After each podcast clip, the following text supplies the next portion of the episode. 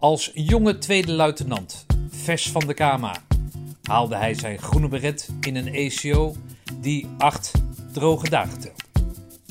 In deze ECO leert hij hoe een groep mensen tot een eenheid gesmeed wordt. Hij weet het daarna tot twee sterrengeneraal te schoppen. Niet zonder offers, gezien het feit dat hij in totaal 25 jaar lang slechts in het weekend bij zijn vrouw Petra en hun kinderen vertoeft. Lichting 74.4.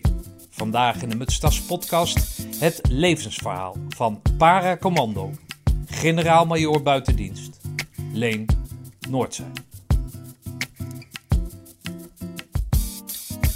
Generaal-majoor buitendienst Noordzij, registratienummer 50 11 17 356. Ik ben uh, vandaag uh, in Elslo, Elslo Beek, dicht bij het station. Woont uh, een kerel die ik via Theo Alsumgeest heb leren kennen. En een rijke historie heeft. hij heeft net zijn kleindochter naar, naar bed gebracht. Dus die kleinkinderen, dat is ook allemaal geregeld. ik zit tegenover Leen Noordzij. Nou, Leen, alvast dank voor de, voor de gastvrijheid, de lekkere lunch. Graag gedaan. Uh, Leen, waar moeten mensen jou van kennen? Welke lichting ben jij? nou, de mensen is misschien wat breed, maar in ieder geval de commando's uit mijn periode, die zullen mij zeker kennen. En ook wel van daarna, omdat ik beroepsmilitair geworden ben. Ik heb in november 74 de beret gehaald. Dat was het uh, Natte Moessonkamp. We hebben dus inderdaad ook uh, acht weken op één middag na alleen maar regen gehad. Staan jullie in die top 10 van de natste ECO's uh, ooit? Ja, dat denk ik wel. En ja? ik denk zelfs okay. wel bijna bovenaan. Want okay. op een halve dag na acht weken regen, ja, daar word je dus echt niet vrolijk van. Hè? weinig zonnestraaltjes. En er is ook weinig licht aan het eind van de tunnel. En zelfs op de beretuitreiking en voor mij dan ook uh, tegelijk de beëdiging. Toen kwam het nog met bakken de lucht uit. Okay. Dus uh, wat dat betreft, uh, we zijn met regen begonnen en ook met regen afgesloten. Okay. Wat doet dat met je als je, als je de hele tijd regen, als je dan de hele tijd nat bent? Nou, uh, kijk, fysiek is dat uitputtend, omdat je ook ja, uit moet kijken voor onderkoeling. En zolang je in beweging bent, gaat het wel. Maar anderzijds, we hebben die. die maar goed, dat zal de luisteraar ook wel weten. De paar momenten in de week dat je wel uh, rusten kon. Hè, dat is meestal maar bij elkaar vier uur in een hele week. Uh, ja, ging je in schuilbivak. Ging je met natte kleren in een natte slaapzak in een nat bos. En in slaap kwam je wel, want je was zo moe dat nou, na vijf minuten lag je al te ronken. Maar ja, als je dan na een uur er weer uitgeramd werd. ja, toen heb ik echt kerels zien huilen. Want je bent uh, niet alleen onderkoeld, maar je bent ook helemaal stijf geworden. En, en dan moet je opeens weer op gang komen. En, en ja, waar je dan behoefte aan hebt is een kop warme thee om weer een beetje warm te worden. En uh, weer uh, ja, maar klaar te maken voor de volgende beweging. natte, natte plunje lopen, als daar nog een bui overheen komt, dat op een gegeven moment is het... Ja, nee, maar dat, dat had ook geen zin. Nat is nat en dat ja. bleef ook nat. Uh, maar fysiek had dat natuurlijk wel eens uitwerking.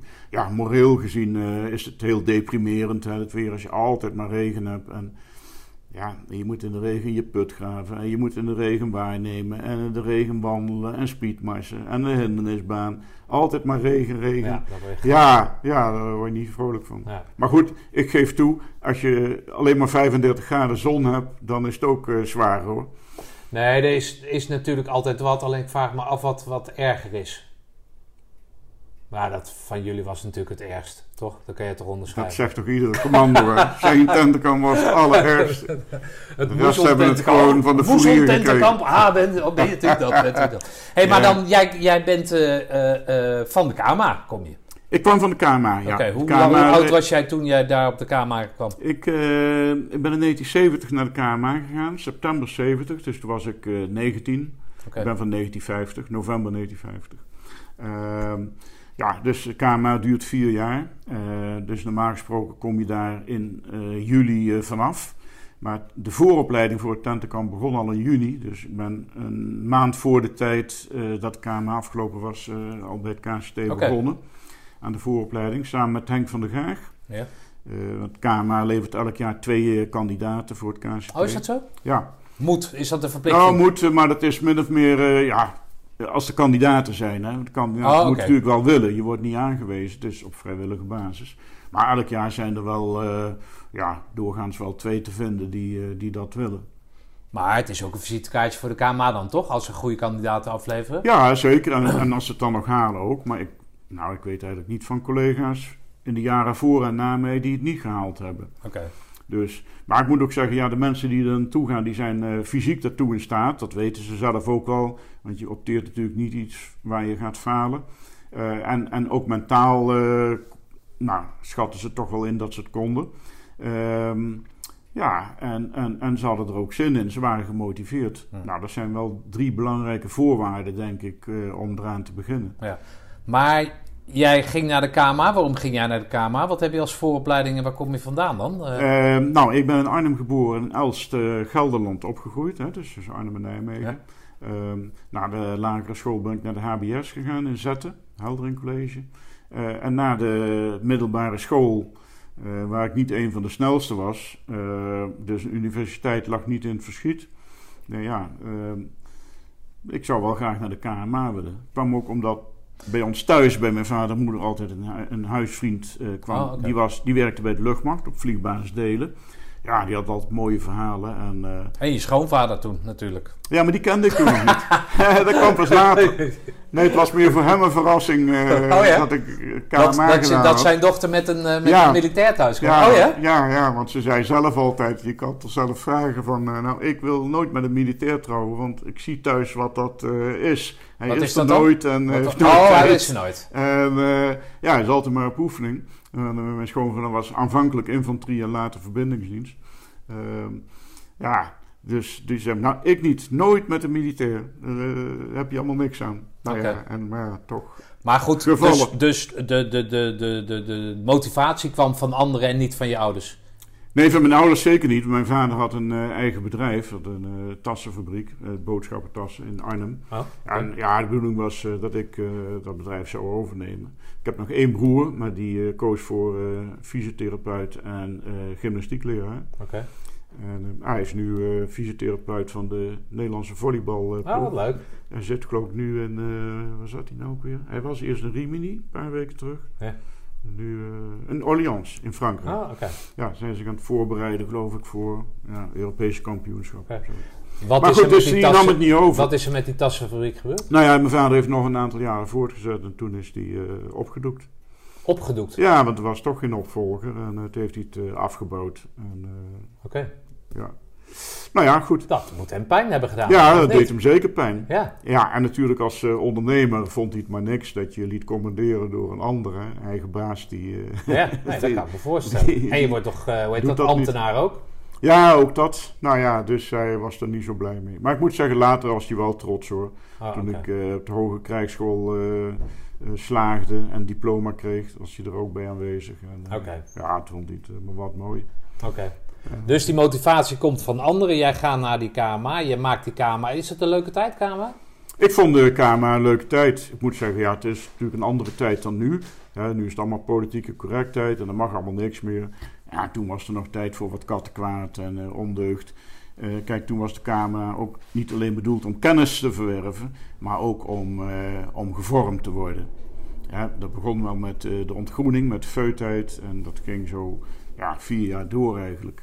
En waar ik nu bang voor ben, is ehm, ja, dat dat vormende karakter een beetje weg is. Dat het allemaal politiek correct is, waardoor je ja, niet meer de kans krijgt om buiten de lijntjes te kleuren. Oké. Eh, dat heeft ook eh, een andere naam gekregen. eh, Ja, het is nu een Nederlandse Defensie Academie geworden. Oké. Zegt dat wat? Dat dat... Ehm, ja, kijk, welke veranderingen zijn nodig, eh, dat weet ik niet, kan ik niet beoordelen. Er zullen ongetwijfeld redenen geweest zijn waarom het veranderd is en het aangepast is. Eh, maar goed, het ging over mijn periode, eh 70, 74. Ik, ja, ik heb een geweldige tijd gehad. Oké. Echt geweldig. En wanneer komt dan die ambitie om dat korps te, om de- richting korps Nou, te dat was eigenlijk al eh, van begin af aan. Want ehm, kijk, eh, ik had vrij laat gesolliciteerd. Dat komt omdat ik eh, lang op vakantie was geweest. En ehm, ik had mijn formulier wel ingestuurd, maar ja, dat is aangekomen toen ik op vakantie kwam. Dus de oproep voor de keuring en uh, het gesprek en noem maar op. Hè, dus de hele ja, sollicitatieprocedure, zeg maar. Nou ja, uh, daardoor werd ik pas in de eerste week van september gekeurd en, en kon ik dat gesprek hebben. En toen was uh, mijn jaar, promotie 74, die was al een week bezig. Dus ik kwam ja, later binnen. En, maar omdat ik zo laat was, kon ik alleen nog maar kiezen voor infanterie, cavalerie of artillerie. En de andere wapens die waren allemaal al gevuld. Want dat zijn aantrekkelijkere wapenvakken dan? Voor, nou, dat weet ik niet. Maar ja, oh. iedereen heeft natuurlijk zijn voorkeur. En de een die wil graag... Uh, ja, het had ook te maken natuurlijk met je opleiding. Als je HBS-A toen had, dan ja, lag een technisch wapen niet, voor, niet voor de hand. Ja. maar ik had HBSB en uh, dus kom wel naar de artillerie en zo. Maar ja, dat uh, op afstand uh, de oorlog meemaken, dat zag ik niet zo zitten. Daar wil ik toch maar liever vooraan zitten. nou, bij het KST zat je zelfs niet alleen maar vooraan, maar zelfs uh, nog daar, achter de linies. Ja. Hè? Dus helemaal vooraan. maar ja, ik was fysiek, nou ja, kon ik heel aardig meekomen. En nou, ja, dan is het KCT wel een mooie optie. En dat heb ik ook ja, vier jaar volgehouden, zeg maar. Vanaf, vanaf de eerste week tot, uh, nou ja, tot ik met KCT weer wegging. Maar goed, als je daar als officier heen gaat, dan, dan zet je wel wat op de waagschaal, toch? Ja, dat is wel zo. Het is een risico. Het is een, een risico, want uh, kijk, mocht je op de een of andere manier uitvallen en de groene beret niet halen, uh, dan weet ook de hele landmacht ja. dat. Hè? Dan weten al jouw collega's dat. En ja, dan heb je wel een deukje, een krasje. Ja dat, dat zul je dus de rest van je loopbaan moeten, moeten horen. Ja, oké. Okay. Jouw enige zekerheid, of niet zozeer jouw zekerheid, als wel in die periode was dat als je, dat heb ik me laten vertellen, als je op medische gronden hè, afvalt, dan mag je het nog een keer op, op, opnieuw doen. Of geldt dat voor officieren niet? Nee, dat geldt zeker. Ja? Want uh, in mijn tentenkamp uh, zaten ook verschillende uh, ook onderofficieren trouwens, officieren en onderofficieren die het tentenkamp daarvoor uitgevallen waren, of nog eentje eerder, die moesten revalideren uh, en dan een herkansing kregen. Die deden niet de volle twee maanden, acht weken, maar die stroomden in in de vijfde week. Ja. Nou, dat is best moeilijk, want dan moet je zorgen dat je je conditie uh, zelf op peil gehouden hebt voordat je binnenstroomt. Want de rest is al vijf weken bezig, hè? dus je hebt wat dat betreft wel een voorsprong. Dus je komt uh, zeg maar uit een beschermde omgeving opeens weer in het ja, diepe. Plus het groepsproces waar jij dan. En het groepsproces, ja. Dat ook. Dat heb je niet meegemaakt. Dus je komt in het tentenkamp waar je maar weinig uh, mensen kent. Nou, de officier die kenden wij natuurlijk wel als oudejaars van ons. Dus die werd ook gelijk door Henk van der Gagen door mij opgenomen. Heb je Jean Siegel ook leren kennen. Die ja, destijds in Marseldam tegen de rots was geklapt en wat bestuurders opgelopen had. Ja. Nou ja, dus uh, daar hebben we de acht weken mee volgemaakt. Ja. Nou, ik heb laatst Rien van Duren ge geïnterviewd. Die viel in de zesde week viel die af met scheenbeenvliesontsteking of zo. En die heeft toen gekozen om niet halverwege in te stromen, maar om de hele ECO nog ja, te doen. Vanwege, vanwege het groepsproces. Ja, kan ik me voorstellen. Ja. Kan ik me voorstellen. Werd jij daar als uh, officier, hoe werd je daar uh, uh, nou, bejegend? Hoe werd, hoe werd er met je omgegaan? Of voelde jij extra druk? Uh, wat was er qua organisatorische taken? Werden er je meer dingen toebedeeld? Hoe ja. kan je daar nou ja, als, als uh, kaderlid, hè, dus onderofficier en officier, toch wel zwaarder. Omdat ja, die Spaanse momenten dat er rust is, dan kunnen de manschappen en de corporaals rusten. En dan heb jij, of je bent wachtcommandant, of, of je krijgt een ander klusje. Dus je krijgt het wel iets zwaarder dan, dan de gemiddelde commando. er wordt natuurlijk meer van je verwacht, omdat als er opdrachten zijn, dan moet je als officier of onderofficier leiding nemen. Dus het is niet alleen de fysieke prestatie die je moet leveren op dat moment, maar je moet ook nog leiding kunnen geven onder die omstandigheden. Dus dat is al verzwarend. ja, plus de druk dat je eigenlijk niet kan uitvallen, hè, wat we net al besproken hebben. Ehm, ja, en je moet toch altijd uh, net iets meer uh, fysiek presteren dan, uh, dan een ander. Want ja, van een kaderlid wordt nu helemaal ja. verwacht dat hij net Van een kaderlid wordt dat verwacht, maar hoe gaat dat leiding geven jou af?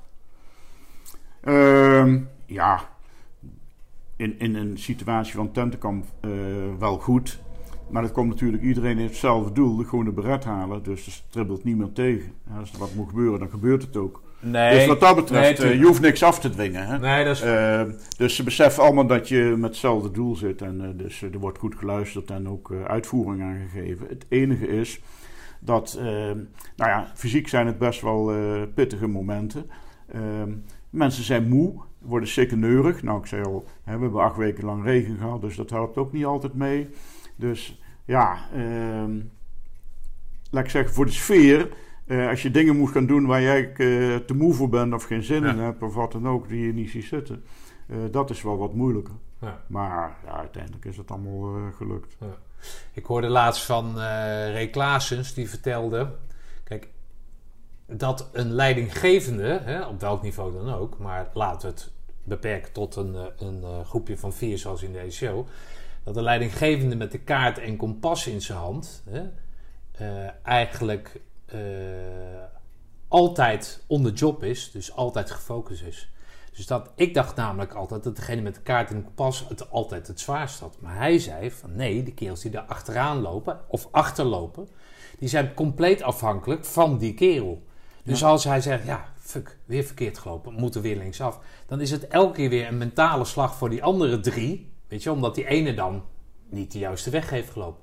Dus voel, voelde jij dat ook? Jij bent, jij bent dan leidinggevend, je staat dan het meeste onder druk. Maar omdat je daar bewust bent van het feit dat, dat er op jou gevaren wordt...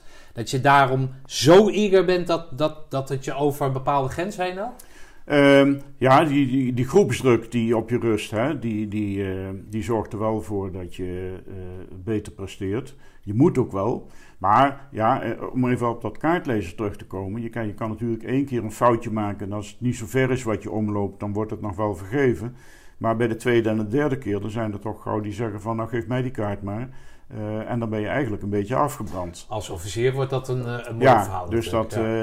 ja, dat, dat, zulke foutjes kun je niet te vaak permitteren. Oké, maar dat, dat geeft wel je eagerness aan. Dat je dus continu bewust bent van het feit dat je moet presteren.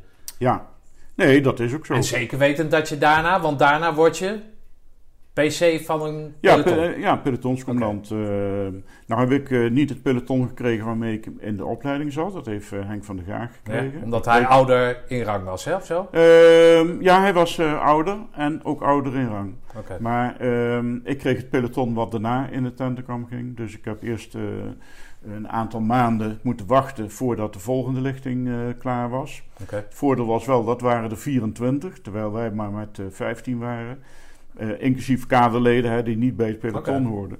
Dus dat betekent Oh, dat is eh, wat een eh, redelijke kaalslag geweest. ja, dus. dus mijn collega die had maar 12 man, een, eh, een peloton van 12, en ik Oké. had dubbele van 24. En dus met 12 man ging hij de Russen tegemoet. eh, Ja, dus eh, drie, eh, vier patrouilles van drie man. Oké. En ik had er eh, acht van. eh. Ja, oké. Ja, altijd baas boven baas alleen. ja, Ja, toch? ja, nou ja, het nadeel was wel dat ik geregeld eh, patrouilles moest afstaan aan eh, de andere twee pelotons. eh, om ja, de gaten op te vullen als zij op oefening moesten.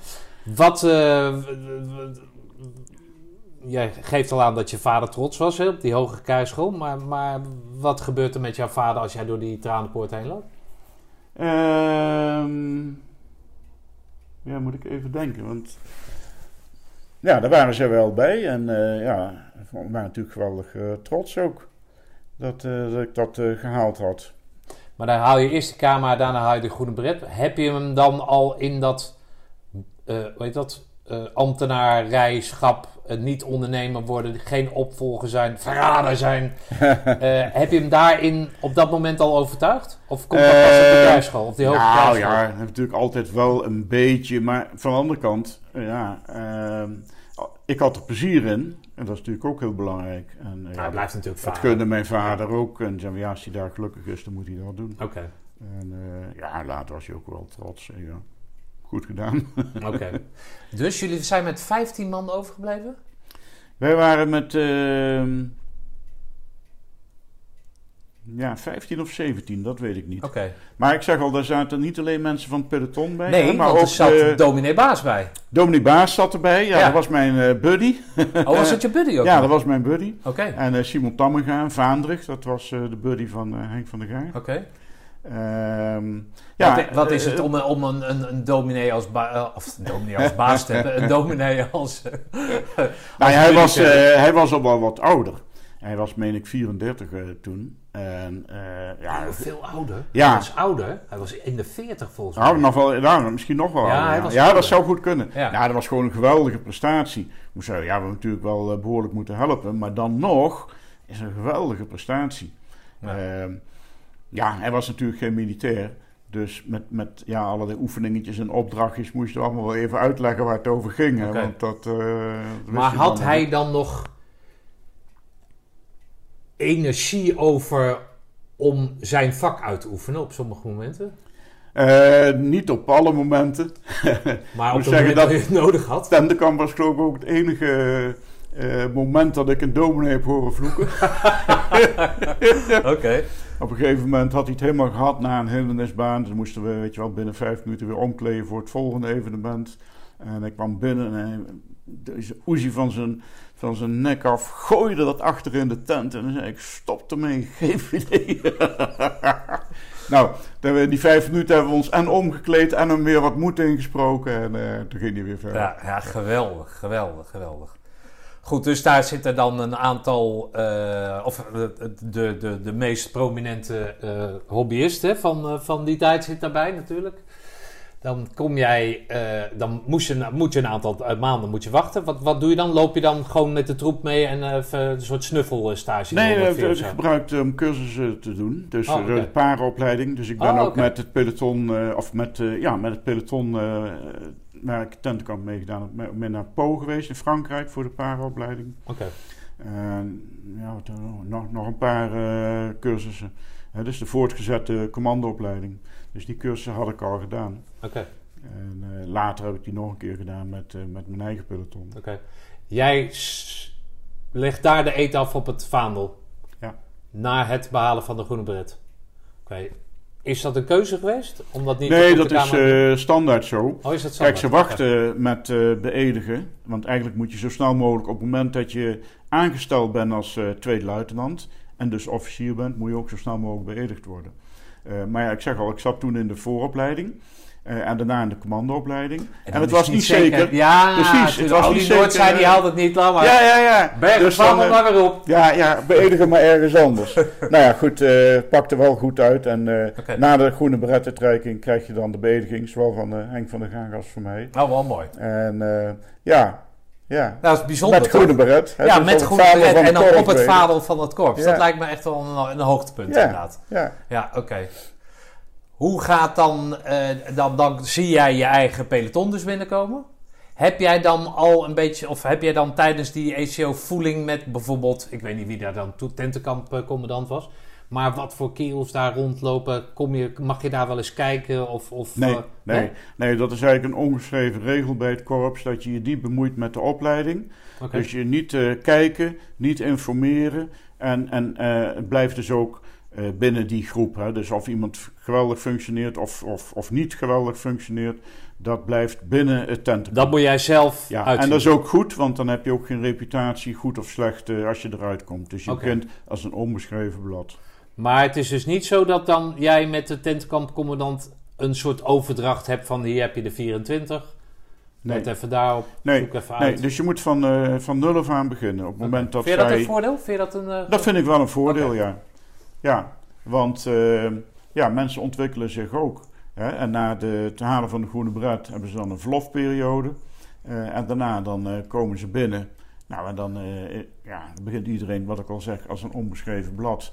En dat is voor sommigen goed. En Oké. nou ja, kunnen ze weer een nieuwe start maken. Hoe snel heb jij dan de lijnen door in zo'n peloton? Want dit is jouw eerste peloton, toch? Ja, dat was mijn eerste peloton. Ehm, ja, Zie jij dan meteen de sterke kerels? Zie jij er meteen groepsvorming? Zie jij de Nee, populaire jongens? Nee, Zie je dat? nee, nee, want ik moest zelf natuurlijk ook nog een Nee, hoop daarom. leren. Ja, want ik had wel een hoop theorie gehad op de. Ja. Ehm, maar eh, theorie en praktijk, dat loopt nogal uit elkaar. Ja. Dus eh, ja, ik heb zeker ook eh, de nodige fouten gemaakt. hoor. Wie is jouw mentor? Wie is jouw PS?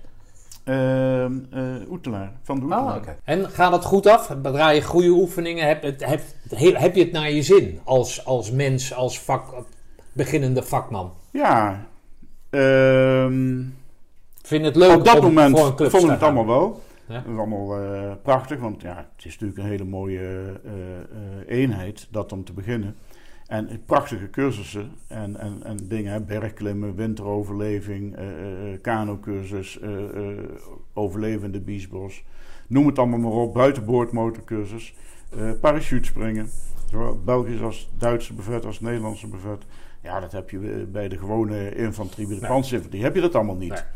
Dus, Ah, daar heb je voor gekozen, dat ja, ja, nee, Ja, natuurlijk. Dat, wist je allemaal wel. Ja. En, eh, maar goed, als je het meemaakt, is het toch allemaal geweldig. Ja. En als je er zo op terugkijkt, ja, prachtig allemaal. Ja. Van de andere kant is zo, het is ook een periode waarin je heel veel leert. Hè, ik zeg al, het KMA is vooral een theoretische opleiding. Eh, daar word je met de praktijk geconfronteerd. Ehm, in je vierde jaar, dat is een wapenjaar, eh, bij het eh, opleidingscentrum Infanterie in Harderwijk, leer je alles over de panzerinfanterie. Dus het optreden met de IP 408, met de AMX Pri. Ehm, maar niets over het KCT. En KCT is een specialisteneenheid. Dus ehm, ben je pelotonscommandant van een peloton specialisten. Op een gebied waar je zelf niks van af weet, want dat heb je ook alleen maar meegekregen in de VCO en de ECO. Ja. Nou, en ik was zeker niet briljant met zijn opnemen. Hè. Ik kwam eh, tot 13 woorden. Nou, daar hing je met afstand eh, onderaan hoor. Ik had in een peloton mensen die hadden 26 woorden. Nou, dat is, natuurlijk wel weer buitengewoon snel. Ja. Eh, zeker. Ik heb geen idee, maar of Ja, ik geen nou idee ja, meer. maar, Bij maar, de aanslagen bedoel je, toch? Of woorden? Nou, het, het nemen van woorden. Dus als er een bericht binnenkomt hè, met de Ja, piepjes. dat, da dan dat, is- ja. da dat of zo weet ik wat. Dan is vijf karakters. Dus eh, letters één of tekens één woord. Ja, ja, oké. Ja. Dus 26 woorden maal 5 Ja, dat is redelijk snel, ja. is 130 eh, tekens. Hè? Dus Ja, letters, oké. cijfers of, of, of Ja, oké. leestekens. Dus daar zit een bepaalde druk op. Want je wordt natuurlijk ook ja, maar je beseft ook wel, je hebt dan eh, echte talenten erbij. Daar, Ja, daar- oké. daar, daar ga je het echt tegen afleggen. Ja. Maar jij, moet, jij, moet, jij bent natuurlijk het... Je bent KMA-officier, je bent jong. Je hebt die groene beret. Je, je gaat voor het eerst ga je leiding geven. Dan zal je af en toe zo'n stormbaan niet nemen. Maar je moet af en toe die stormbaan ga je natuurlijk voorop. Hoe gaat je dat af? Ben je helemaal ben je Nee, dat, gaat, dat ging wel goed, omdat Ja? ik fysiek eh, best goed mee kon komen. En eh, ja, dat was eigenlijk geen probleem. Oh. Daar, daar, nou, Zou je zeggen, stak ik eh, eh, boven Ik het peloton die- uit. Ik weet niet of die eh, Ja. kraakt of zo. Ik zal, ik zal niet zeggen dat ik boven het peloton uitstak, maar kon zeker goed meekomen. Er was ja, niet echt veel die, die, laat ik zeggen, fysiek beter waren. Hoe ging dat jou af met... Ja, ik blijf even steken op dat, op, dat, op dat intermenselijke ding. Maar hoe ging jou dat af met die... Natuurlijk word je daarvoor opgeleid, dat weet je. Maar hoe met die dienstplichtigen, hoe, hoe, hoe gaat dat? Ja, kijk, het waren al geselecteerde mensen. Je zit niet met de gemiddelde dienstplichtige die bij een andere eenheid opkomt. Ja. Deze hadden er sowieso op vrijwillige basis voor gekozen, want ze waren geselecteerd bij andere eh, eenheden. Hè, daar zijn ze geworven door Joop Hoofdman eh, destijds. Ja. Ja, dus dat waren al mensen die wilden zelf, dus mag je vanuit gaan dat ze gemotiveerd eh, waren, meer dan de gemiddelde dienstplichtige soldaat. Dus je zat al met fysiek fitte mensen, want anders waren ze niet door de keuring gekomen. Nou, daar hadden ze ook eh, een morsentest gedaan en met goed gevolg. Dus eh, op dat gebied konden ze ook allemaal goed meekomen. Eh, dus je zit al met, met, met geselecteerde. Ja, maar wat voor een type collega's. leider ben jij dan? Ga je s'avonds ook de, de 104 bar even in een, een biertje doen? Of, of, of- of mingel jij een beetje met die mannen? Of, of, eh, Ehm, ja, Eh, ik was binnenslapen. Oh, je was Eh, binnenslapen? ja, ja, ja. Oh, ja, dus, eh, dus ja, dan eh zien we elkaar ook buiten zeg maar, de normale dienst. Nou ja, voor een zover je daarvan kan Een spreken. type officier die dat niet doet, toch? Die heb je toch Ja, die heb je wel, denk ik. Maar, Maar bij zo korps, iemand ben jij niet. Nee, maar toen bij het korps was dat niet zo. Was toch meer. Ja, het was natuurlijk veel kleiner dan het nu is. Hè? Ja, ik, ik weet Wij waren in totaal niks, maar- met 24 officieren in totaal. Ah, Dus. Inclusief de aalmoezenier en de dominee en de korpscommandant en, en de staf van het korps. Ja, 24 man, dus eh je kende dat is elkaar veel, allemaal door en ja. door. Nee, het was heel overzichtelijk. Oké. Ja, en dan drie pelotons, maar ja, waarvan ik net al zei, hè, een aantal onder de sterkte. Hè, dus soms zat je maar 12 man. eh, Ja. ja, dat, eh, Je had moeten, niet moeten nadenken over het feit dat dat het gebeurd zou zijn. Hè? Nee, nou ja, dan heb je natuurlijk de reservisten die je kunt oproepen. Oh, ja. Maar uit het parate bestand, dus de mensen die het eerste weg moesten, ja, dan heb je wel wat uit. eh, ja, Ja. dat wordt moeilijk. Twee vier tonners en het, eh, het is gebeurd. eh. ja, ja, toch? ja, absoluut. Dat is ook zo. Ja. Eh, ja, en op het moment zitten we weer in een periode van ondervulling. En dus ja, het is van alle tijden. hè. Het gaat met golven. Ja. En ja, nu, nu ja, hebben ze hetzelfde probleem eigenlijk. Hè. Ja. Als ze nu ingezet moeten worden hè, en dan serieus ingezet moeten worden, ja, dan heb je een uitdaging. Ja. Hey, ehm, jij slaapt binnen. Dat betekent dat je nog geen relatie hebt of zo? Of, of, Ik heb eh, in de laatste week van de KMA eh, heb ik eh, mijn huidige echtgenote Petra leren kennen. dat huidige zou ik zeggen. En, eh, ik ben al 47 jaar bij elkaar. En op de, de laatste dag dat ik bij het korps eh, diende, het was in 77, Ja. zijn we getrouwd. Oké, dus jullie komen elkaar tegen in Breda. Ja. Op, op wat voor manier? Ja, Ben jij Nou, zo? nee, Wat- wat- wat nee. Een avond stappen en, eh, op, op, op de havenmarkt. Ja. En in de suikerkist hebben we elkaar ontmoet. Oké.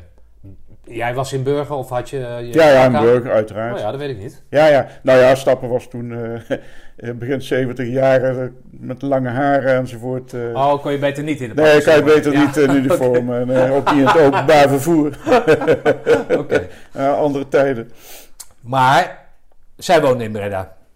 Nee, nee. Wij woonden toen al in Limburg. En, eh, maar liep stage in eh, het ziekenhuis in eh, Breda. Ah, oké. Ja. Dus dat heb je toen een soort aangezwengeld? Of hebben jullie, hebben jullie samen, samen uiteraard, hè? Hebben jullie daar iets tot gemaakt? Tot iets nou ja, we hebben gezegd, ja, goed, de eerste kennismaking aan de bar. En ja, beetje schemerig eh, daar. En, Ik eh, hoor wat commentaar op de achtergrond. Zegt het maar. Hoe heeft het gehad? Moest jij de eerste drankjes betalen? nee, we hebben eh, afgesproken voor de week daarna. En ja, ja, en toen was het al bijna, het was KMA afgelopen. En ja, ik zeg, wanneer zien we elkaar nu weer? Want volgende week is het uitreiken van de bul van het KMA. Wil je dan komen? Hm. Nou, het is ook gekomen. En daarna ben ik ook onmiddellijk met hem mee naar huis gegaan. Hier in eh Sittard. Oké. En eh, ja, zo is het gekomen. Je, je voorstellen of zo. Ja, dus dat was al vrij snel. Na twee snel eh, kennismakingen gelijk al mee naar huis. Oké, en dan zeg jij dat je in 77 zijn jullie getrouwd. Ja. Oké, en, en dan ga jij weg van de kazerne. Ja, toen ben ik uit Roosendaal eh, naar Oorschot eh, overgeplaatst. Oh nee, maar ik bedoel eigenlijk meer vanuit eh, in, in de kazerne slapen. Ja, ja, ja, nee, toen... Binnen slapen, hè, noem je dat? Ja, toen zijn we op een flat in Sittard gaan wonen. Oké. En Oh, dus altijd hier in deze omgeving? Nou, niet gebleven, maar ja, vertoefd. ja, dat klopt. Eerst een paar jaar in Sittard op de flat.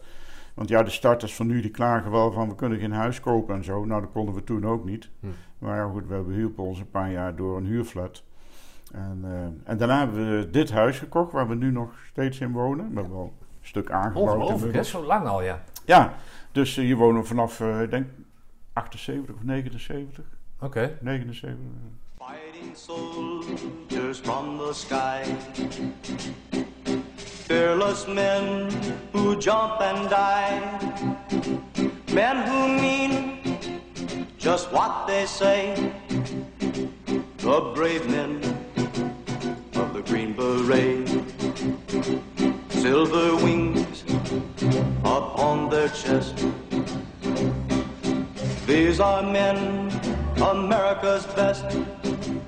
100 men will test today, but only three win the Green Beret. Trained to live off nature's land, trained in combat hand to hand. Men who fight by night and day, courage take. Dus Ja. alles is hier gebeurd. Alles is Kinderen- hier gebeurd. Kinderen zijn hier geboren, alle drie in dit huis. Oké. Prachtig, ja. Dat heeft ook wel eh, gevoelswaarde. Dus Ja. we hebben ook, ja, ik had nog wel eens willen verhuizen, maar eh, mijn echtgenote niet. Ja. En eh, het is allemaal prima. Ik was Ja. toch altijd op oefening, dus ik was niet zo vaak thuis. Oké, ja. en dat- dan dat kan is- je maar beter, eh, hè, zoals mijn echtgenote en de kinderen, een huis hebben waar ze graag In plaats van één keer in de vier jaar. In plaats van elke Ja. drie, vier jaar verhuizen naar wie en, weet waar naartoe in het land. Oké, ja, dat, daar hebben jullie bewust voor gekozen. Ja, daar hebben we toen bewust voor gekozen. Ze hebben nou, het geeft wat rust in het gezin en voor de vriendjes en vriendinnetjes ook. En eh, ja, betekende wel dat ik 25 jaar weekendhuwelijk heb gehad. Maar Oké. 77 ga je trouwen. Dan zeg jij dat je dan al weggaat van het korps. ja, nou ja, met 3,5 jaar zaten erop. Dus eh, langer kan je niet op de functie blijven. Oké. Ik was toen eh, na pelotonscommandant uh, plaatsvervangend kompiescommandant geworden. Hè, second Ja. van de 104. En eh, ja, na 3,5 jaar, eh, dat was al, normaal is het maar drie jaar hè, een plaatsing. Dus dat was al langer dan normaal. Ehm, ja, moest, ik ik wilde niet weg, maar moest. Want Maar- eh, de volgende moest weer komen. Om een kapitein, dan zou je moeten opteren voor een kapiteinsfunctie. Of dat, wat, wat- hoe werkt dat dan? Nee, eh, ehm, kijk, in die tijd eh, werkte je nog met vaste tijden in, in rang tot major. Oh, oké. Dus je was één jaar tweede luitenant en vier jaar eerste luitenant. Dus vijf jaar en ik heb er drieënhalf. Dus ik had nog anderhalf jaar voordat ik kapitein kon worden. Ah, dus ik ben als eh, eerste luitenant eh, naar Oorschot gegaan. Daar werd ik eh plaatsvervangend kompiescommandant. Bij eh, 17e Panzer Infanteriebataljon. Dus een AMX-eenheid. En, Wat is een toen- AMX? dat is een panzervoertuig. Ah, AMX Pri. Ehm, Franse makelij. Ja, en al heel snel ging mijn, eh mijn kompiescommandant, kapitein, de dienst uit. Die ging een burgerbaan. Ja, in plaats van dat er een nieuwe kompiescommandant werd, eh, heb ik dat toen waargenomen. Dus ik heb- ben heel lang kompiescommandant geweest. Dus Is dat als- bijzonder dan? Nou ja, normaal doe je één, eh, misschien twee lichtingen. En ik heb er ruim drie gedaan. Ja, omdat jij dus eerder, zeg maar, in de Ja, ik functie trad. eerder uh, Maar is dat bijzonder, is dat werd. bijzonder? Dat je als eerste luitenant nog geen Ja. kapiteins, kapiteinstitel hebt en dat je hem dan eerder in gaat vullen. Is dat bijzonder? Nou, ik, ik vond dat wel bijzonder en dat is het eigenlijk ook. Waarom? ik, kwam, ja, maar ik kwam van het korps af. Ja. En dat is een ander specialisme. Dus ik had eh, in die drieënhalf jaar was ik natuurlijk wel wat kwijtgeraakt van de Panzerinfanterie. Ja. Ja, die had ik in het vierde jaar van de KMA gehad. Daarna drieënhalf Ja. jaar niet. Eh, heel ander werk. En dan kom je weer bij een AMX-eenheid. Dus in het begin stond, ja, ja. Miste ik ook al wat dingen hoor. Dat Maar- eh, aan me voorbij ging. Zien zij dat als een, een tekort? Of zien zij het gecompenseerd door... Nou, die kerel die heeft misschien wel wat doorzettingsvermogen, dus die zal dat wel Nou snel ja, oppikken? Hoe- de- er stonden wel weer andere dingen tegenover. Hij is natuurlijk fysiek eh, met kop en Ja. schouder erbovenuit. Eh ja, bij de panzerinfanterie is het toch wat minder dan bij het korps. Ja. Ehm, plus, ja, je kan natuurlijk ook... eh, je hoeft niet alles, eh, je zwakheden te tonen. Hè. Je kan het ook camoufleren. Dus, en bij de panzerinfanterie is het wel makkelijk. Als je oefening gaat, dan lees je een avond ervoor de voorschriften door. En de volgende dag sta je te doen of je het al tien jaar doet. En Is dat is ja? anders dan bij het korps. Want je Omdat kan wel een boekje over morsen lezen. Ja, oké, Maar het zijn, het zijn eh, voertuigen en zo. Dus Ja, dus is een optreden met vaste voertuigen. drill van hoe je eruit moet. Ja. Hoe je, ja, oké, het is weinig Ja, en hoe je dus met de voertuigen optreedt, tactisch. En, eh, ja, oké. ja, goed. Eh, je hoeft dat voertuig niet zelf te, be- te besturen. Nee. En je hoeft ook niet zelf te schieten. Hè. Je moet wel leiding geven. En dat betekent dat je een beetje eh, moet weten hoe het werkt. Hè. Dus ja, eh, de procedures en, en, en het optreden. Maar ja, dat is natuurlijk van een andere orde dan de technische vaardigheden die je bij het korps moest Ja, oké. Wat, wat vind jij dan leuker? Ga je dat leuk vinden? Dat, dat... Nou, in het begin niet, want eh, die Oh. dingen die stonken naar de benzine. Oh, en eh, dan was je natuurlijk, als je in de vrije natuur liep met je rugzak, Ja, eh, ja. een andere wereld. Hè? Dus je was veel meer in de open natuur bij oefeningen van het korps. Ja, en bij oefeningen in, in, in Oorschot zat je in zo'n zo'n stinkend stuk ijzer. Hoe is dat, zo'n compagnie? Is dit, wordt dat, voel je Nou ja, goed, na drie eh, weet je dat ook weer hoe dat werkt. Ja? En ja, daar groei je natuurlijk ook in. Wat voor een dus- stijlleider ben jij dan? Wat voor een stijlleider, of wat, wat voor een leider ben jij dan? Ehm, omschrijf jij jezelf? Nou, voor een deel eh, directief. Dat kan Ja. ook niet anders. Met eh dienstplichtigen moet dat wel. Want die weten natuurlijk niet van de hoed en de rand. Dus die moet je wel wat bijbrengen. En, en dat moet je ook afdwingen. Want lang niet iedere dienstplichtige had zin. Eh, er waren er ook die tegen hun zin en die echt zo dwars mo- mogelijk lagen. Ja, dat kan je uiteraard niet accepteren. Dus dan kan je wel een biertje mee drinken in de bar. Maar dat schiet dan op zo'n moment ook niet meer op. Nee. Ehm, maar voor de rest eh, ja, heb ik mijn onderofficieren met name heel veel vrijheid gelaten. Dat zijn de beroeps. Eh, de beroeps eh, Ja. want je had ook dienstplichtige onderofficier. Maar ja, die moest je natuurlijk wel opleiden en vormen ook. Hè? Ja. Na hun opleiding op het opleidingscentrum. Dus wisten ook nog niet alles. Hè? Ja. En het merendeel van de pelotonscommandanten waren ook dienstplichtig, vaandrig. Ja, we hadden natuurlijk drie pelotons, eh, waarvan één beroeps en twee dienstplichtigen. Oké. Dus- En dat was jouw taak om eh, hè, duidelijke instructies te geven. Ja. Ik wil dit van je, ik verlang dat van je. Jij moet hun die opdracht geven. Ja. Geen ruimte laten. Ja, het is voor een deel eh, uitvoering en voor een deel vorming ook. Hm. Eh, nou ja, het moet natuurlijk tot een eenheid gesmeed worden. Ja. Hè? Want dienstplichtigen die komen op en die weten helemaal niks. Kunnen hun schoenen nog niet strikken, eh, kunnen niet exerceren, niks, helemaal niks. Dus je moet ze eerst vier maanden opleiden. En eh, dat zijn dan de individuele vaardigheden. Dus eh, schieten en, en, en, en noem maar op. Hè? Ja. En daarna kreeg je het optreden met de voertuigen vanaf de vijfde maand. Nou, en aanvankelijk hadden wij nog 16 maanden dienstplicht. Hè, dus dan heb je 12 maanden om ze het gemechaniseerde optreden bij te brengen. Dat is voldoende tijd om daar een succes van te maken. Later ging de diensttijd naar 9 maanden. Oh ja. Nou, en dan gaan vier maanden individueel. Ja, Dan hou je nog vijf maanden over en dat was gewoon te kort. ja. Dus dat, eh, daarna hebben ze het ook eh, vrij snel daarna afgeschaft. Hè, de dienstplicht Ja. opgeschort. Eh, want ja, negen maanden eh, is te kort. Ja, bij dat soort dingen kan je dat bijna, is dat bijna niet te Nee. doen natuurlijk. Nee. Ja. Ja, dat lijkt me. Dat, waar- naar wat voor een sfeer streef jij? Want ik kan me zo voorstellen met dienstplichten die moeten. Hè, die, die, die, dat is gewoon een plicht. Dan ga jij hun vertellen: ja, jongen, het, het- ik heb het ook niet verzonnen, weet ik wat. Maar hoe probeer je, met wat voor middelen probeer jij, zeg maar, daar een swingend peloton of weet ik veel, een goed functionerend peloton van te maken? Ja, ik, ik denk eh, eh, streng en rechtvaardig. Dus Ja? dat betekent van eh, wat ze moeten weten. Ik leg voor mezelf de lat vrij hoog. Ehm, nou, ja, dat eis ik van anderen ook. Dus ik eis wel dat ze hun prestaties leveren. Maar ik vind wel ik, eh, dat ik zelf het voorbeeld moet geven. En uh, later toen ik bataljonscommandant eh, werd, bij hetzelfde 17e bataljon overigens. eh, inmiddels wel bij een ander regiment. wij hebben altijd het voorbeeld gegeven. Dus wij hebben één keer het divisiefanion gewonnen. Dus beste eenheid Oh ja. van de divisie als bataljon. Het jaar erop waren we nog beter. Maar ja, om Andere- allerlei redenen heeft een andere ja. eenheid eh, het fanion gekregen.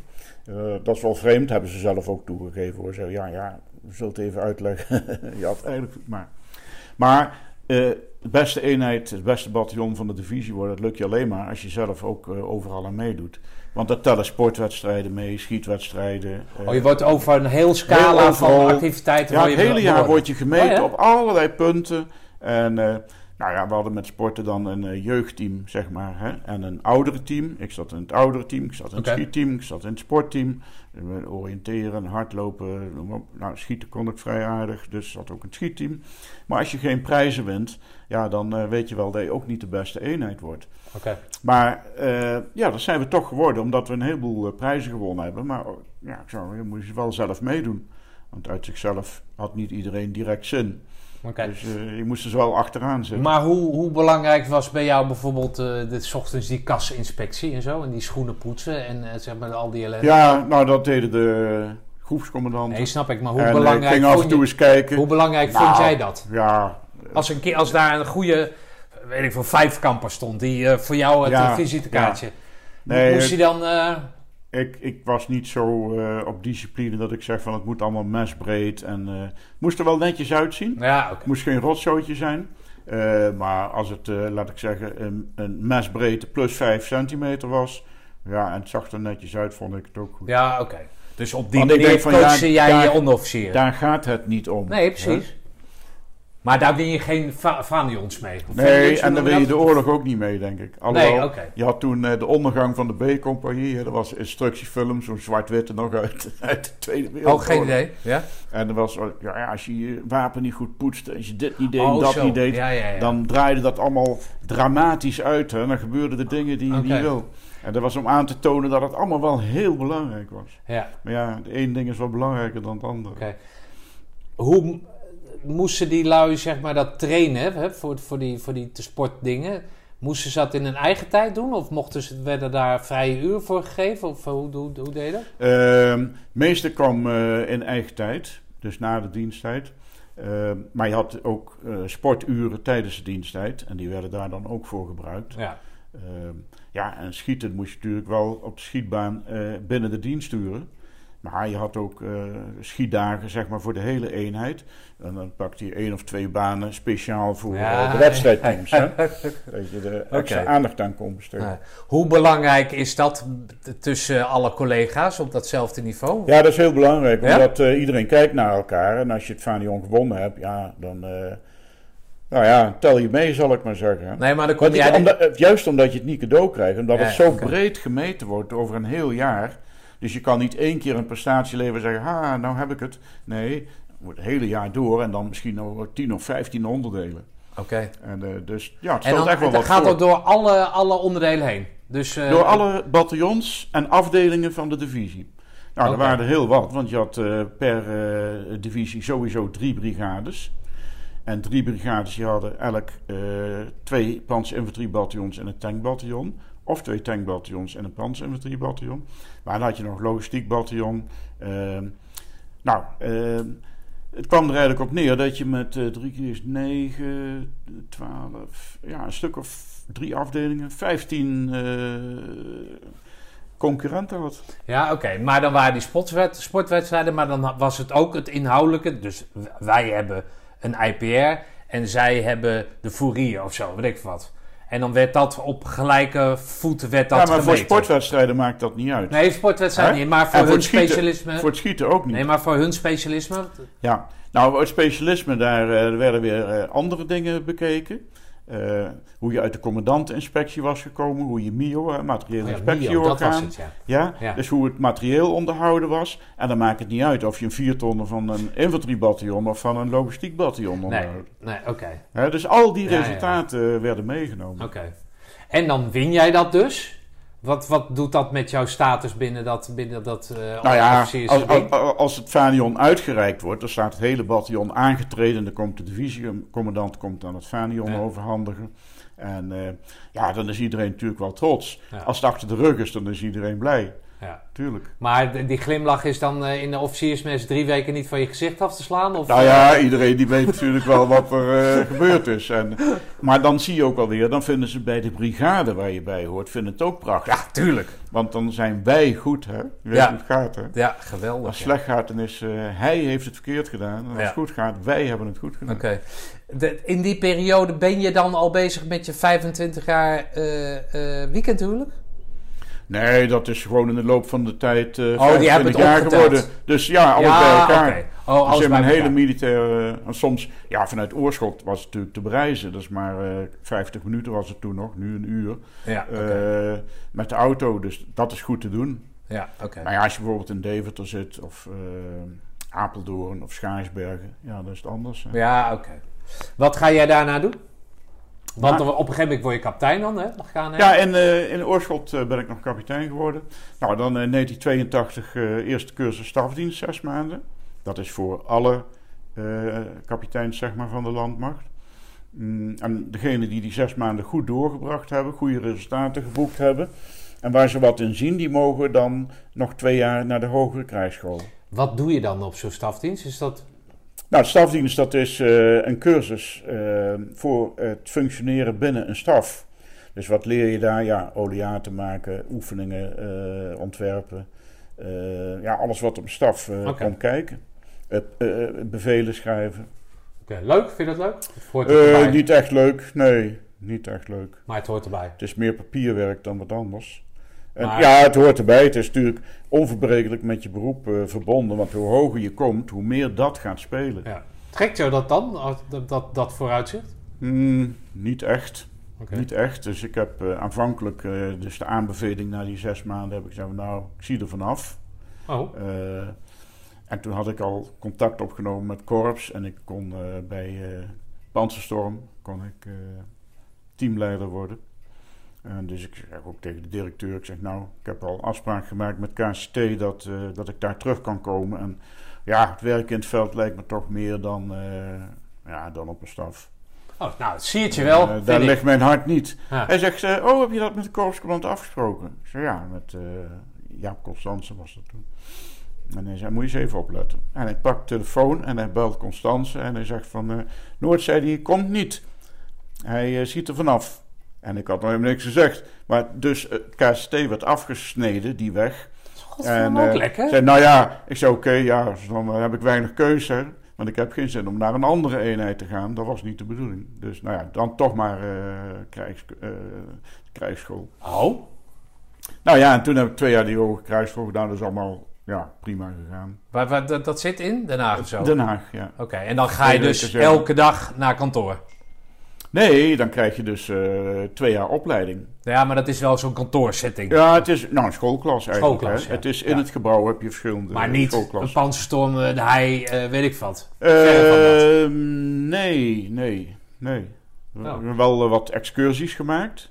Dus naar andere opleidingscentra, naar, naar buitenlandse krijgsscholen. Naar, nou ja, bij oefeningen zijn we wel wezen kijken. We zijn ook wel als krijgsschool leerling ingezet eh, bij de leiding van een oefening. Van een grote divisie- en legerkorpsoefening. Ehm, dus je kwam wel, maar het meeste was toch wel in het klaslokaal. Hoor. Heel veel in het klaslokaal. Dus je wordt langzamerhand, word je zeg maar een beetje wat verweekt van, Ja, die, van, ja. de, van de actie. ja, Of van klopt. de actie van, de- van, de, van, de, van de modder, om het zo maar te zeggen. Ja. Oké, en wat, wat, wat zie jij dan als, als jouw? Hoe zie jij je toekomst dan? Nou, ik heb daar nooit zo over nagedacht. Ik zei, ja, ik zie wel eh, hoe het op me afkomt. Ik had ook nooit het idee van, nou heb ik hoge krijgschool, nou moet ik generaal worden. En als ik dat niet word, dan heb ik gefaald. Ik heb, heb, heb er gewoon nooit eh, over nagedacht. Ja, het komt op me af zoals, eh, zoals het komt. En, ehm, Nou, nee, Het was ook zo- ook kunnen zeggen van nou, het zal allemaal wel generaal, maar ik wil naar Roosendaal. Ja, maar goed, daar heb je natuurlijk op dat moment niks meer over te vertellen. Ja, ik heb geen idee hoe het Want werkt. eh, nee, maar ja, dat is natuurlijk een generaal ten opzichte van. Toen was het nog overste, hè, korpscommandant. Dus ja, Oh, dus, eh, die had ook, oh, ook niks in te ja, oh, brengen. die- ja, oké.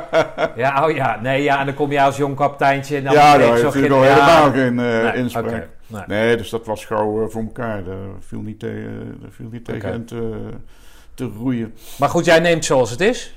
Ja, ik neem het zoals het is. En ehm, ja, kijk, ehm, er waren natuurlijk eh, vacatures toen wij van de krijgsschool kwamen.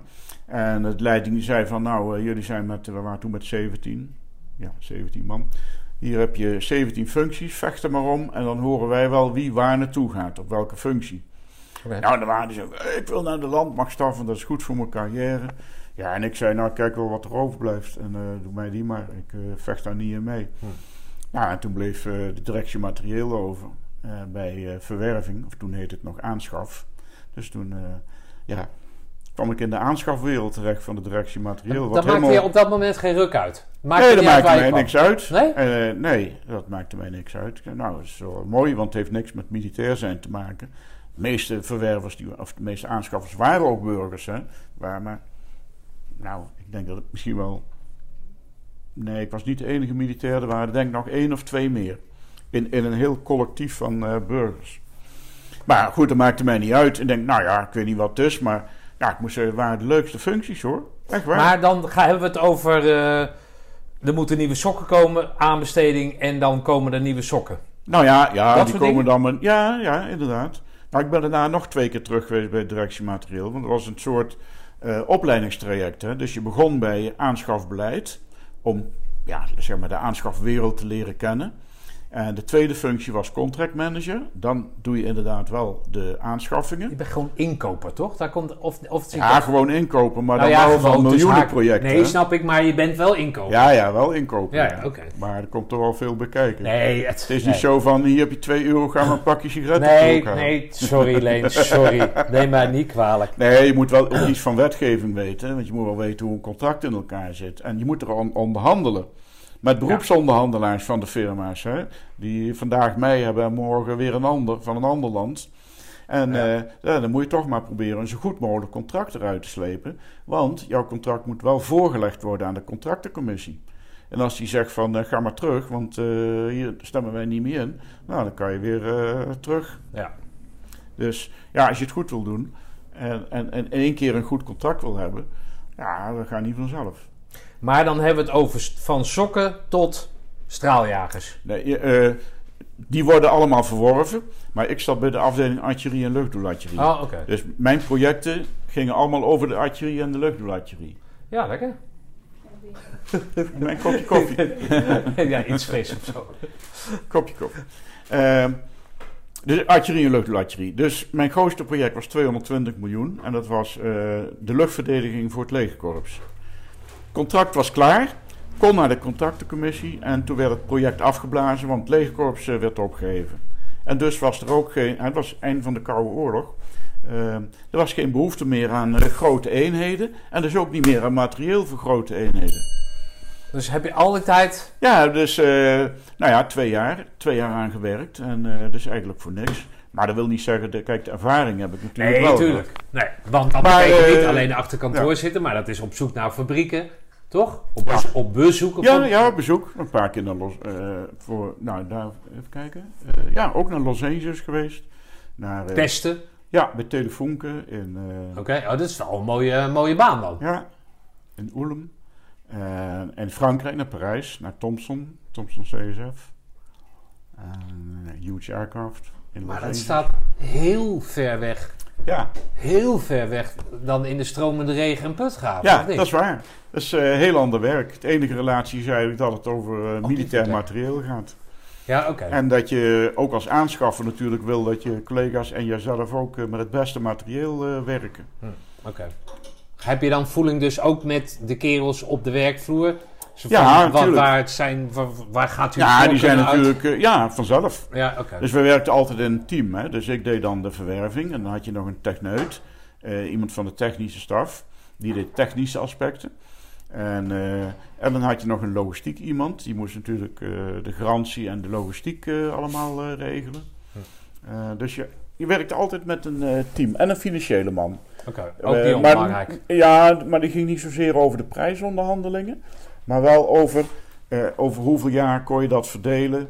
Wanneer betaalde je wel het deel? Ja. om het in de begroting in te brengen. Dus die waren Ook niet onbelangrijk, van- want... nee, ja. nee, nee, die waren van Lekker, de accountantsdienst. ja. Ehm, Koffie wilde je koffie.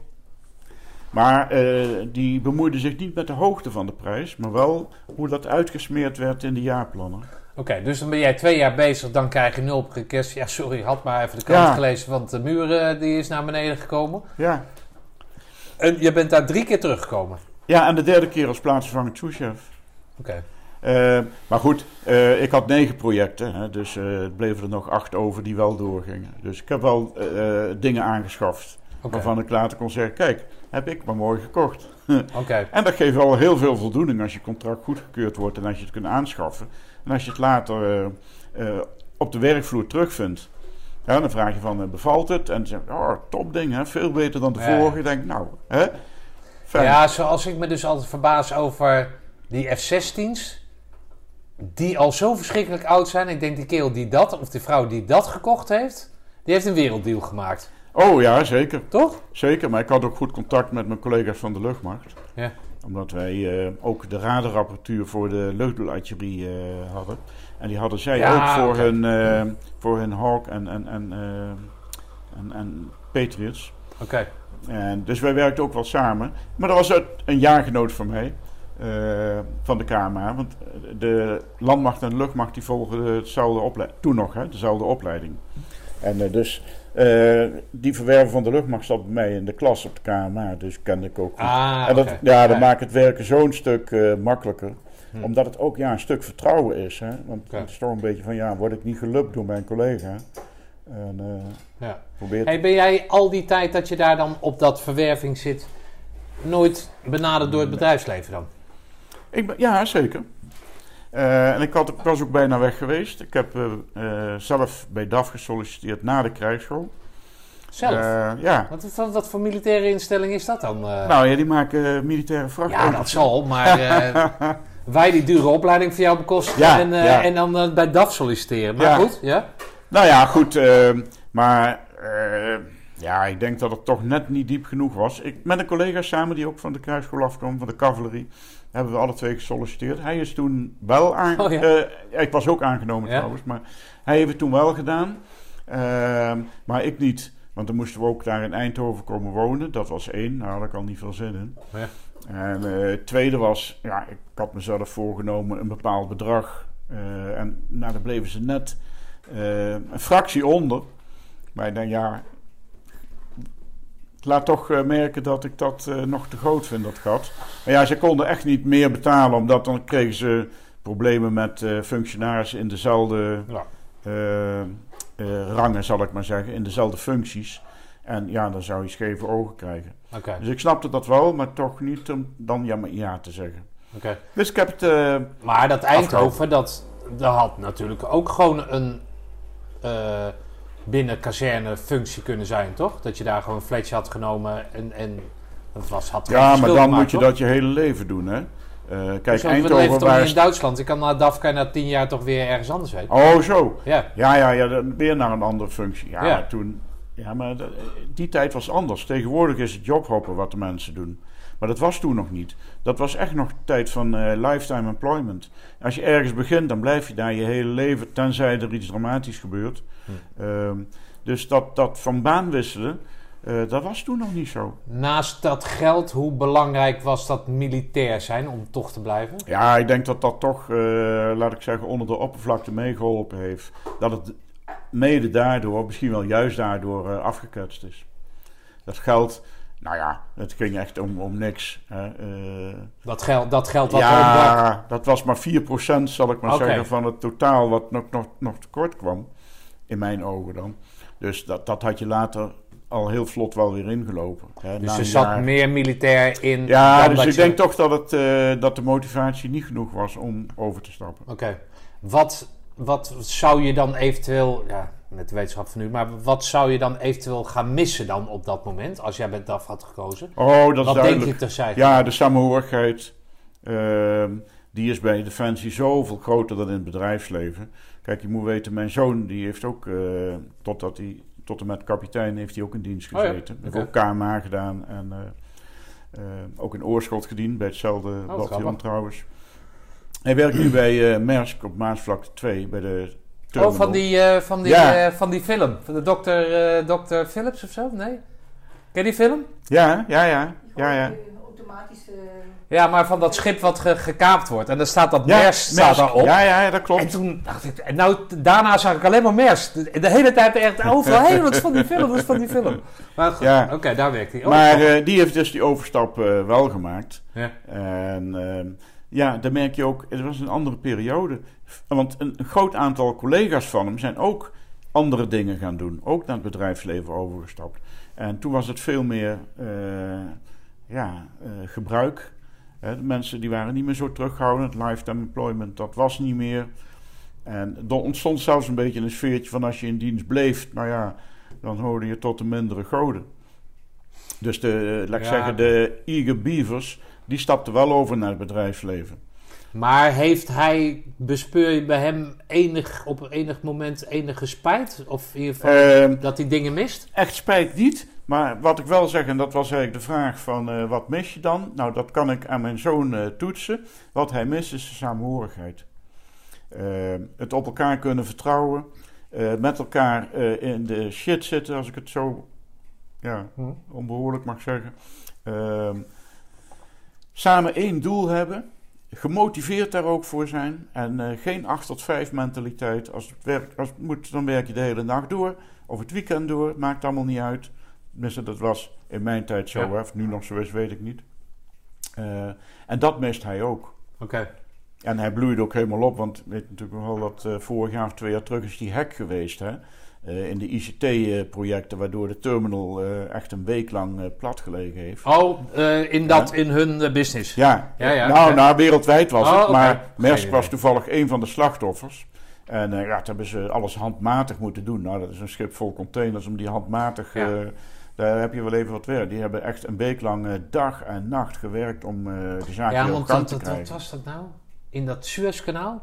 Was toch ook zo'n hele grote Oh ja, boot? die is nu net deze week Dat daar eh, gewoon- aangekomen. Wat was het nou?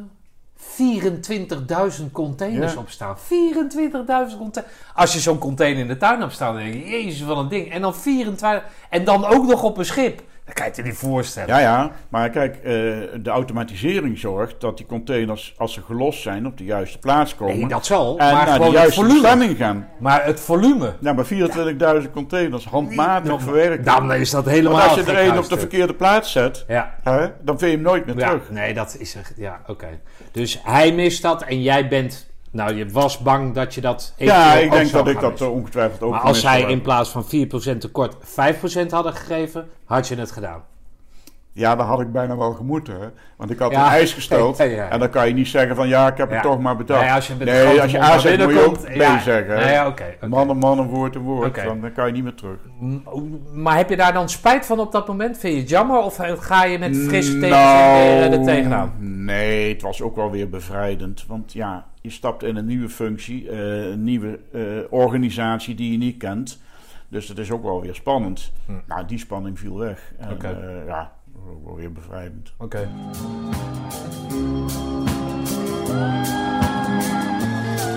No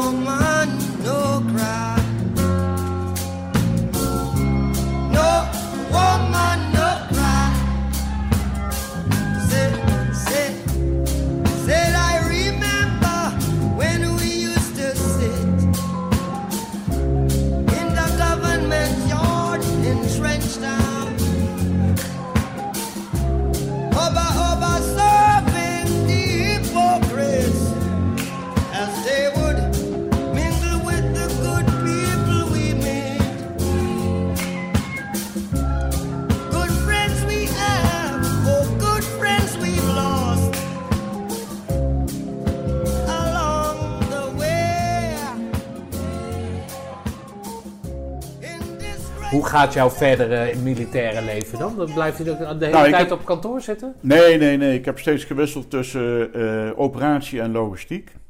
Eh, Al elke keer weer die vier ja, jaar. kijk, er zijn eh, bij Defensie eigenlijk vier richtingen. Hè. Je hebt operatie, je hebt logistiek, je hebt eh, logistiek.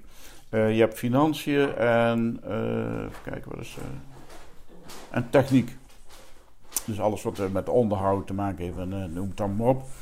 Eh, nou ja, ik eh, heb steeds gewisseld tussen operatie en logistiek.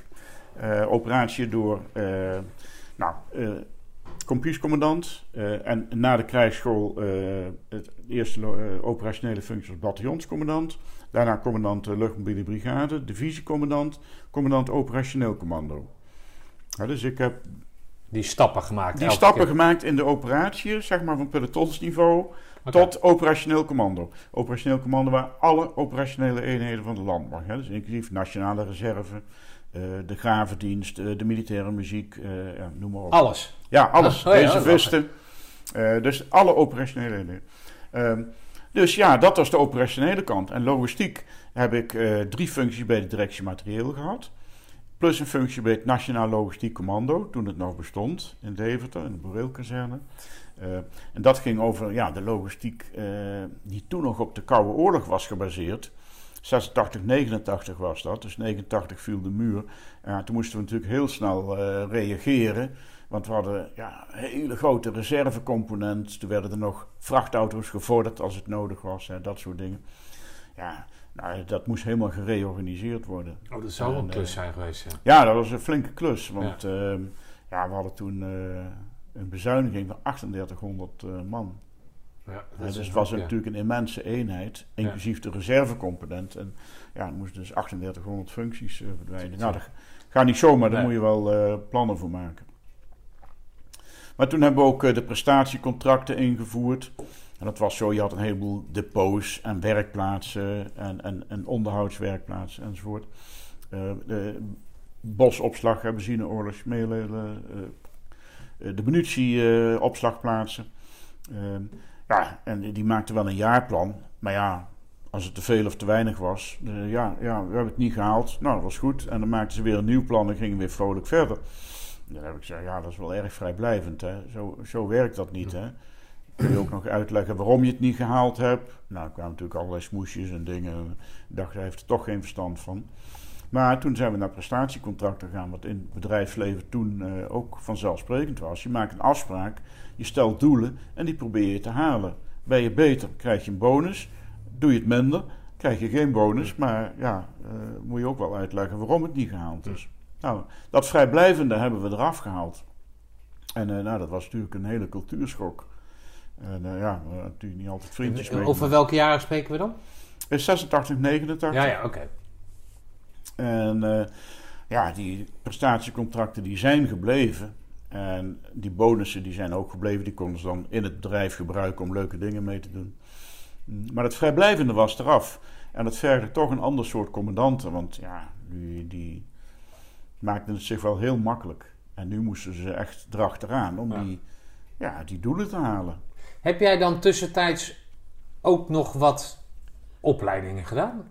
Want die, die zal toch enigszins onderricht moeten zijn in dat hele financiële en, en, en Ja, Nou strategische. ja, eh, er zijn standaard eh, cursussen van Defensie uit. Hè, dus je hebt eh, de A-cursus voor kompiescommandant. Eh, dan heb je de stafdienst, wat ik al zei, voor het functioneren binnen staven. Dan de hoge krijgsschool, die eigenlijk bestemd is voor de ho- hogere managementfuncties. En daarna heb ik als kolonel nog de tertiaire vorming gedaan. Nee, maar niet eh, een accountancy, weet ik veel. Nee, en tussendoor heb ik nog een of- groot aantal. Ik weet niet, als je achter je ligt zo'n map, helemaal ja, aan de linkerkant. ja. Dat zijn allemaal diploma's en certificaten. En Nee, ik ben ik aan het digitaliseren. Oh, je gaat ergens in Duitsland solliciteren? Nee, nee, nee. nee, Nee, maar je als vertelde er wat gebeurt, heb ik ze in ieder geval Oh. digitaal. Dan, eh, Oké. ja, er zit van alles eh, tussen. En eh, ja, dat, Om maar aan te geven dat je continu ja, dus je moet bezig bent. voortdurend ja, ja, training on the job. Hè, dus je moet eh, de ene cursus naar de andere. Dus, eh, Nee, ja. maar als je aan het hoofd staat van zo'n organisatie met zo'n omslag... Hmm. Moet je, moet je niet alleen kunnen vertrouwen op je mensen naast je onder. Nee, nee, wat, maar je moet ook weten waar het over gaat. Ja, natuurlijk. Nee, maar ik heb ja, ja, voortdurend cursussen gevolgd. hebben. Oké. Maar dat doe je dan. En dan kom je thuis. En dan een hapje eten. Nee, En nou dan ja, ga je weer naar boven. Na 25 jaar weekendhuwelijk eh, eh, waren er op het laatst nog wel wat functies waar ik wel thuis was. Ja. Eh, maar heb ik steeds gezegd van luister, ik ben elke avond tot 11 uur op mijn bureau. Dus ik wil me, mijn uren best maken elke week. Maar de zaterdag en de zondag zijn voor mijn gezin. Dus ik neem geen werk mee naar huis in het weekend. Ik bereid ook niks voor in het weekend. Als je wil dat er maandag iets moet gebeuren, moet je zorgen dat ik het vrijdag heb. Oké. Maar ik ga in het weekend, is voor mijn gezin. Want anders dan is het afgelopen. Dan eh, Ja. zijn ze vlot vertrokken. Maar dat betekent dus dat als je dan binnensliep, was je s'avonds aan het studeren. Ehm, Of aan het werk aan of aan het studeren? Ja, ja, oké. Maar dat is... Dan moet je wel een hele grote intrinsieke motivatie hebben om dat dan... Hé, ik zal... Hoe, hoe, hoe, doe je dat dan? Is, is Nou. dat de weg omhoog? Is dat, zijn Nee, dat de offers nou. die je moet brengen op de weg naar hoog? Omhoog. Dat wist, kijk, eh, dat, dat weet je pas als je, als je aan de top staat, weet je de beste en de makkelijkste weg naar boven. Hè? Nee, Maar, ik- gaandeweg ik weet je niet niet, of maar dat, de, pakt niet de makkelijkste weg. of dat eh, de manier eh, van werken is. Dat wist ik natuurlijk toen helemaal Nee. niet. Later kwam ik achter dat het ook niet meetelt. Je moet natuurlijk je vak beheersen, dat om te beginnen. Maar eh, laat ik zeggen, de sociale aspecten die tellen ook heel erg mee. Het moet je ook gegund worden. Hm. En wat heel belangrijk is, en dat geldt voor het bedrijfsleven precies hetzelfde, je moet een sponsor hebben. Iemand die wat in jou ziet en jou naar boven trekt. Hm. En eh, ja, ik heb de generaal Schouten als sponsor gehad. Die zag wat in mij, omdat ik Die noem je ook zo? Of is dat gewoon een, een, een naam die iemand geeft die jou, eh, zeg maar... Nee, nou dat is de, laat ik zeggen, de gangbare term. Hè? Dus zoals die in de maatschappij bekend is. Een sponsor. Oh, oké. Ik zeg al nooit het voor alle bedrijven geldt. Hè? Niemand komt zomaar bovendrijven. Iemand moet jou voorstellen of moet zeggen van... oh, Hè, als, ja, wie zullen we nou eens eh, als nieuwe directeur nemen? Dan moet iemand zeggen van, heb je alles aan die en Die een beschermeling of zo? Of van, van, Ja, is- nou ja, wij noemen dat sponsoren. Dus eh, iemand die eh, ondersteunt eh, en, en, en jou voordraagt of een goed woordje voor je doet. Of, of ja, oké. nou ja, in ieder geval jouw naam noemt. Oké. Want zonder, jij zegt zonder zo'n sponsor lukt je dat niet. Nou, dat wil ik niet Heb zeggen. jij maar zo'n wel. Vanion eh, heb je gewonnen? Ja, Dat nee, weet- natuurlijk. Ja, loopt de hele tijd mee door de gangen. Heb je nog een sponsor nodig? Nee, je hebt elk jaar je beoordeling, dat om Ja. te beginnen. Maar goed, die zijn in de loop van de tijd wel een beetje uitgehold. Hè, want er werden bijna geen slechte beoordelingen meer gegeven. Dus dat was niet echt een onderscheidend eh, karakter. Maar dan heb je natuurlijk je reputatie die je opgebouwd hebt. En daar helpt eh, het winnen van prijzen wel mee. Want er kan niemand eromheen dat je operationeel wel goed bent. Ja, oké. Maar dat wil niet zeggen dat je voor elke functie geschikt bent. Nee dat, nee, dat is ook zo. Maar wanneer begint het jou dan te dagen dat jij, eh, dat jij eh, dan heb je aan alle basisvoorwaarden voldaan. Hè, die tertiaire vorming heb je ook gedaan. Ja. Dus dan ben je in principe, zit je op de bank om generaal te worden. Ja, dan zit je op de, sta je op de wachtlijst. Maar Ja. je weet niet of je bovenaan of onderaan staat. Maar Nee, maar je zit zoals bij het aantal op de bank en dan is het, is Ja. het aan de, aan de, Ja, aan, aan de, de leiding eh, om te bepalen van... Of jij eh, zegt, eh, Noordzij, warmlopen. we hebben nu een functie voor hem en daar zetten we hem op. En dat niet alleen, maar daarna zijn er nog andere functies in het verschiet waar hij nog verder kan doorgroeien. Oké. Nou, en dat was zo eh, in 1999, hè, dus de vooravond van 2000 van het Millennium eh, gebeuren.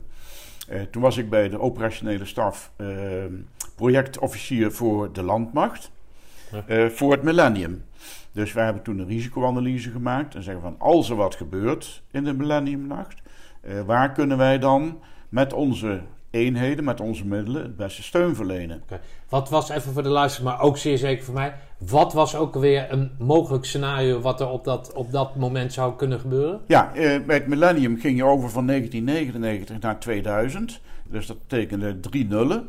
Eh, of als een computer alleen met de laatste twee werkt, dus van 99 naar 00. En deskundigen hadden gezegd dat kunnen de computers niet aan, die gaan crashen. Oh ja, dat was het, ja. Ja. En eh, nou ja, bleek eh, natuurlijk. eh, was nergens op gebaseerd, maar dat was een bepaalde ja, analyse. dat, die dat hadden zij bedacht. En hadden daar de wereld behoorlijk in roer gebracht. Want ja, in de voorbereidingsfase waren natuurlijk heel veel bedrijven beducht dat Ja. de boel zou crashen. En hebben allerlei maatregelen genomen, natuurlijk miljoenen en miljarden misschien zelfs wel aan uitgegeven, terwijl het niks was. Dus echt een hype hoor. Maar ja, voor hetzelfde geld was het wel gebeurd, weet ik niet. Maar toen gebeurde het niet. Nou, en ehm, ik zeg al, ik was eh, projectofficier, dus we hadden eh, heel 1999 gebruikt om een risicoanalyse te maken. Wij kwamen eh, toen tot de conclusie dat het grootste risico de elektriciteitsvoorziening was. Gek hè, maar dat hebben ze nu net weer geconstateerd. Hè? In deze wereld is de Ja. stroomvoorziening cruciaal. Ook, ja. Want Nee, als er geen is. stroom is, dan heb je geen bankwezen, dan werken de sluizen niet, dan werken eh, de deuren werkt. van de kassa van de winkel niet, de pinautomaat, eh drek je elektrische auto. Niets werkte meer, alles Ja. werkt op stroom. Eh, en zeker straks, hè, als ook aardgas en olie weg zijn. Dan maak je dus als maatschappij geweldig kwetsbaar. En dus de stroomvoorziening was het allerbelangrijkste. Dus wat er ook gebeurde, eh, wij moesten in de risicoanalyse kijken van wat is het effect als de stroom uitvalt. Denk aan gevangenissen waar de deuren niet Ja. meer op slot zijn hè, en de poort eh, niet meer eh, op slot kan. Dus ontsnappen van gevangenen. Eh, transport. Eh trein rijdt niet meer, de tram rijdt niet meer. Nou, dus openbaar vervoer zou helemaal stil liggen. Het bankwezen. Eh, dus dat waren zeg maar de drie sectoren waar we onze middelen voor klaar moesten houden.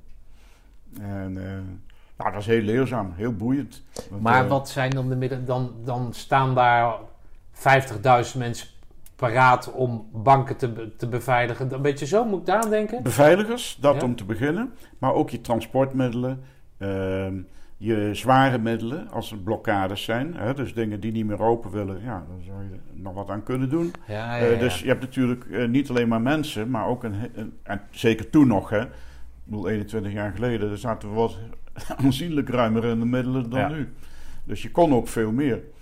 En eh, ja, grensbewaking. Enfin, het hele scala. Dus je, je kon wel wat betekenen. En je had natuurlijk nog de beschikking over al die dienstplichtigen. Er waren dan wel een stuk minder, maar de, de dienstplicht was nog, toch? 2000? Eh, nee, die was in 1995 eh, opgeschort.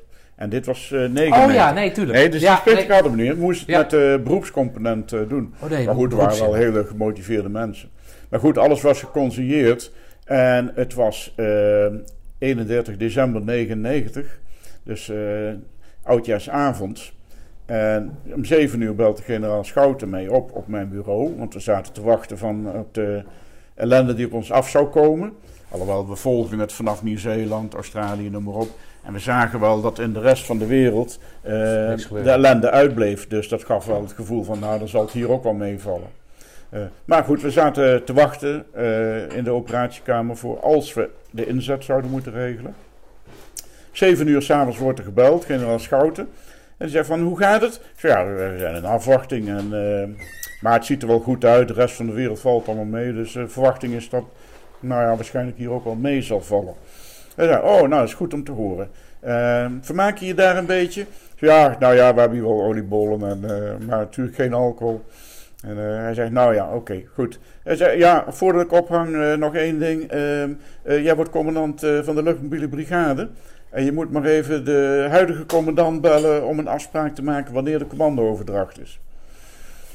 Nou, dus ik, legde de telefoon neer. Toen werd ik al gebeld door die oude commandant, hè, een goede collega van me. En die zegt van ja, ik heb net gehoord dat wij eh, van commando eh, gaan wisselen en dat, dat jij eh, mij gaat opvolgen. Ik zei ja, dat heb ik ook net gehoord. Hij zei ja, hij zei, maar ik wil helemaal niet weg. Ik zei nee, maar ik wil wel komen. en eh zegt ja, hij zegt we, maar, eh, niet in de eerste week van januari hoor, want ik moet nog eventjes een beetje genieten. Nou, toen hebben we afgesproken 17 januari. En, en toen heb ik het van hem overgenomen. Want, Maar ik wil maar zeggen, ik had er dus totaal niet op gerekend Oh, dat zo. ik generaal Ja, zou ja, ja, worden. oké. Hè, Dus dat was een Ah, lekker, verrassing voor me. En ik had altijd maar het idee van, nou ja, als ze me goed vinden, dan hoor ik het wel. En zo niet, dan is het ook goed, want dan ligt het aan mij en dan kan ik er ook niks aan doen. Ik kan niet meer dan mijn best doen.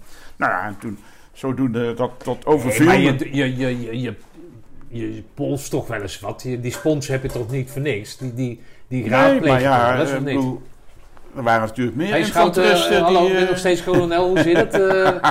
ben jij nou een sponsor? Nee, ben jij nou een nou, sponsor? nee, Hoe zit nee, dat? nee, dat, is zo, Nee? dat, dat, dat doe je niet hoor. Dat is, eh, als je te veel vraagt en te ambitieus bent, dan eh, moet je ook uitkijken. Was jij blij met die mobiele... eh, Ja, ja mobiele vanzelf. Ik, ik was ook Ja? graag naar Oorschot gegaan hoor, naar de 13e brigade. Ja. Omdat ik daar drie, drie functies gehad heb. Hè. Ik was na een bataljonscommandant ook een keer chef-staf geweest bij de brigade. En ja, dat had ik ook wel graag, want ik ken natuurlijk de brigade, kende de sfeer. En eh, ik had er altijd eh, ontzettend goed naar mijn zin gehad. Goede prestaties eh, leverde de brigade. Nou, daar wilde ik ook een commandant van worden. Maar ja, luchtmobiel eh, ook goed. Maar ja, toen moest wel voor de rode beret. En, eh, ja, Oh, die moest je dan ook nog halen? ja, je moest het nog halen. Ik was toen was dat, dat was een ijs. Is dat een ijs? Een harde ja, ijs? Ja, Maar, ja, zo, maar er zijn toch... Even de, de link met Roosendaal maken. Maar er zijn toch ook kerels met een blanco beret daar korpscommandant. Korpscommandant hebben nee, ik over, was de eerste. Ik was de eerste. En hoe komt dat? Omdat zij natuurlijk konden putten aanvankelijk uit een arsenaal van commandanten die de rode beret al eerder gehaald hadden. Ja, oké. dus ja, Eh, oké. En, en die eisen waren toen eh, wel streng, maar die zijn later wat aangescherpt. Dus eh, toen de Panzerinfanteriebrigade over moest naar luchtmobiele brigade, eh, toen heeft al het personeel een opleiding van twee weken gekregen. Ja. En sommigen van drie weken. En eh, dat is toch wat anders dan de zeven weken die wij moesten. Je bent, je bent de, de volledige ding heb je gedaan. Nee. Eh, en hoe komt dat? Omdat ik eh, eh, na drie weken kreeg ik een eh, scheurtje in mijn meniscus door overbelasting. En, maar ik was toen 50. En ik, ik kon best wel goed meekomen, hindersbaan en eh, dat ging allemaal eh, goed. Ehm, maar ja, een keer met speedmarsen eh, heb ik me verstapt met een rugzak. En, en toen kreeg ik een scheurtje in mijn meniscus. Nou, eh, een heleboel dingen kon ik nog, daar heb ik nog een week mee eh, doorgelopen. En een hoop dingen kon ik ook, alleen ja, een speedmars ging niet meer. Ja. En ik had een halve liter vocht in mijn knie. Jezus, En, ja. eh, Dus toen ben ik ook geopereerd. Twee keer geopereerd zelfs, want de eerste keer eh, ging nog niet goed ook. En, eh, maar ja, toen was er inmiddels zoveel tijd overheen gegaan. Want ik was anderhalf jaar commandant voordat ik divisiecommandant werd. Ja, dat was te kort om nog de rode beret te halen. Dus na twee operaties, want het militair hospitaal waren ze ook nog wel een beetje eigenwijs. Want die zeiden van ja, het zit tussen de oren en dit en dat. Dan ga eerst maar eens naar de fysiotherapeut. Dus heb ik nog zes weken. Dat is jou, ja. Ja, dat is een bekende standaardreactie. en ik denk van ja, Ah, die Noordzee, joh. die halve liter, eh, halve liter vocht knie zit tussen mijn oren, tuurlijk. Maar vertel Ehm. nou eens, heb je hem nou gehaald of hebben ze hem... Nee, en, en, en toen eh, was de tijd voorbij, want toen werd ik alweer overgeplaatst voordat de nieuwe cursus begon. Want die begint niet elke dag, Ja. hè. dat is natuurlijk maar een paar keer per jaar. En eh, ja, toen was eh, het voorbij. Dus ik was de eerste commandant luchtmobiel met een blanco beret. Waarvan iedereen wel wist dat ik een groene in Maar de kast die had groene liggen. dan nu op? Nee, nee, nee. Dat, want dat is vloek in de kerk daar dan zo. Nou, ik heb het één keer, we moesten een oefening afspreken in Amerika bij eh 101 Airborne Division. Ja. Ja, en de rest die ging natuurlijk met rode bruid, heb ik maar even de groene opgezet. Moet toch, die oefening was belangrijker om die erdoor te krijgen dan eh, welke kleurberet je op. Dus eh, even het doel heiligt de middelen. Wat, wat kan jij... ehm, eh, het- het- een, een, vertel eens wat over wat zo goed is aan die luchtmobiele brigade. Eh, nou, de luchtmobiele brigade, dat is een- sowieso een gemotiveerde eenheid. Hè. Het zijn allemaal vrijwilligers, dat om te beginnen. Die fysiek eh, fit zijn. Eh, anders halen ze de rode beret niet, want het is, niet, het is, het is minder zwaar dan de groene beret. Eh, sowieso is het een week minder, maar ook eh, fysiek is het net een tandje lager. Maar toch nog, ik vergelijk het wel denk ik met de opleiding bij de mariniers. Ongeveer op hetzelfde niveau. Eh, fysiek dan. Mm, dus het waren toch wel eh, mensen die wat in hun mars hadden. Dus fysiek, maar ook mentaal, want eh, ik kreeg het niet cadeau. Nou, en, eh, ja, het is lichte infanterie. En die kun je bij missies natuurlijk perfect inzetten. Ja. Want als je echt moet knokken met tanks en met panzervoertuigen. Ja, dat is in Afghanistan wel eventjes gebeurd, maar dat had je bij een heleboel andere missies niet. Dus daar kon je perfect eh luchtmobiele brigade voor inzetten. Oké. En, Dus eh, jullie, eh, jij ziet daar de brigade of jouw brigade zie je acteren zoals het bedoeld is. Zoals zij bedoeld zijn qua oplichting of Nou, niet? nee, dat nou weer niet. Want eh, de naam zegt het al, luchtmobiele brigade. Die moeten door de lucht vervoerd worden met helikopters en eh, met transportvliegtuigen. Maar Nederland heeft gewoon niet genoeg geld om het benodigde aantal helikopters aan te schaffen. Ja. Eh, dus die- we hebben er veel te weinig. En dus kun je niet het luchtmobiele concept, of het air maneuver concept moet ik eigenlijk zeggen, ehm, ja, volledig uitvoeren.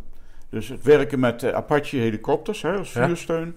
En het invliegen eh by surprise van eh, eenheden, liefst bataljons tegelijk. Eh, ja, daar hebben we de middelen gewoon niet voor.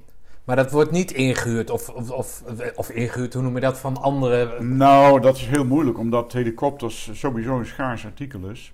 Heel Oh, onderhoudsgevoelig. En eh, dus eh, meestal staat eh, ja, een derde in onderhoud. Ehm, ja, plus de vlieghuren, hè, die zijn geweldig kostbaar. Dus het inhuren kost dan een heleboel geld. Maar de andere landen die denken ook, ja, dan gaan we vlieghuren. Direct is die weer een onderhoud. Want het is niet onderhoud van een uurtje, hè, zoals bij de auto. Oké. Dat gaat over weken. En ja, dan kunnen ze hun eigen programma niet eh Oké, dus dat, daarmee wil je zeggen dat het, dat het concept goed is, alleen de middelen er niet zijn, waardoor er niet wordt ingezet of op een andere manier wordt ingezet? op een andere manier wordt Ah, ingezet. Even effectief of minder effectief? Ehm, voor waar ze ingezet worden wel effectief. Dus als lichte infanterie bij missies waar je niet gepantserd eh, hoeft op te treden. Dus waar het gaat om eh, een vredesmissie en niet om een vechtmissie. Maar op het moment dat het echt gaat over een hoger geweldspectrum... dan denk ik dat de middelen tekortschieten. Oké, maar dan worden ze ook niet ingezet. Eh, dan zou je ze... Het is nog niet aan de orde geweest, maar dan zou je ze niet in moeten zetten. Oké, Mm, maar daar wordt ook zo over gedacht? Ja, dat weet ik Oh, niet. dat want, nee, maar in- eh, in jouw tijd. te Nee, lang uit. Nee, maar in jouw tijd dan? Eh, nou, in die tijd nog Zou jij het op dat moment zeggen van nou dan doen we het gewoon, eh ik veel, met de vier tonners of zo? Of, eh, Nee, dat zou ik niet zeggen. Want eh, ik vind, eh, je bent als commandant verantwoordelijk voor je mensen. daarom. En eh, ja, tenzij je de opdracht krijgt, dan heb je natuurlijk niks in te brengen. Maar als er advies gevraagd wordt, dan zou ik adviseren om het niet te doen. Ik heb het ook wel eens gedaan hoor, toen ik chef-staf was in Oorschot. Ja. eh, bij de 13e brigade. Toen wilden ze een tankbataljon eh, mee laten doen in Irak. Maar die waren er op dat moment eh, in hun fase van de opleiding nog niet aan toe. Waren te jong. En toen heb ik gezegd van die, die stuur ik niet. Ik adviseer dat niet te doen, want ze zijn er niet klaar voor. En als u het toch doet, minister, dan, eh, dan zal ik dat ook aanhangig maken. Want ik accepteer geen eh, verliezen, omdat iemand het nodig vindt om een eenheid die niet op peil is eh, weg te sturen. Oké. Dus dat is wel gebeurd. Bij Luchtmobiel is het wel zo, hè, dat weten we allemaal, Dutchbad 1, 2 en 3, die zijn met panzervoertuigen, wat natuurlijk niet hun standaard voertuig is. Hè. Daar moesten ze eerst op opgeleid worden. Maar goed, met punt 50, dus niet met 25 mm, zijn Dutchbad 1, 2 en 3 naar Srebrenica uitgezonden. Ja. Ja, heb ik het over 94, 95. Nou, dat is nou een voorbeeld van een eenheid eh, die uitgezonden wordt met beperkte middelen. En eh, ja, dus niet berekend was op de taak. Oké. Is ook gebleken. oké. Was jij daarbij betrokken? Nee, ik was er niet bij betrokken, want het was 94, 95 en ik heb eh, eh, 90, 91 gezeten. Oké. Dus na mijn tijd. Maar eh, ik ja, ben twee keer op uitzending geweest, twee keer zes maanden in Bosnië. En de eerste keer was in de tweede helft van 94. Dus Ja. dat was in de tijd van Dutchbad 2. Hm. Dus ik heb ze ook wel bezocht in Srebrenica. En eh, ja, toen, toen kon je eigenlijk al zien, ze waren handen voeten gebonden. Er kon helemaal niks. Ja, de voorraden die werden eh, afgestopt door de Serven. Dus ze hadden geen brandstof, geen munitie, geen... eh, ook de verlofgangers, die mochten er niet meer in. Wel eruit, maar niet erin. Dus ver onder de sterkte.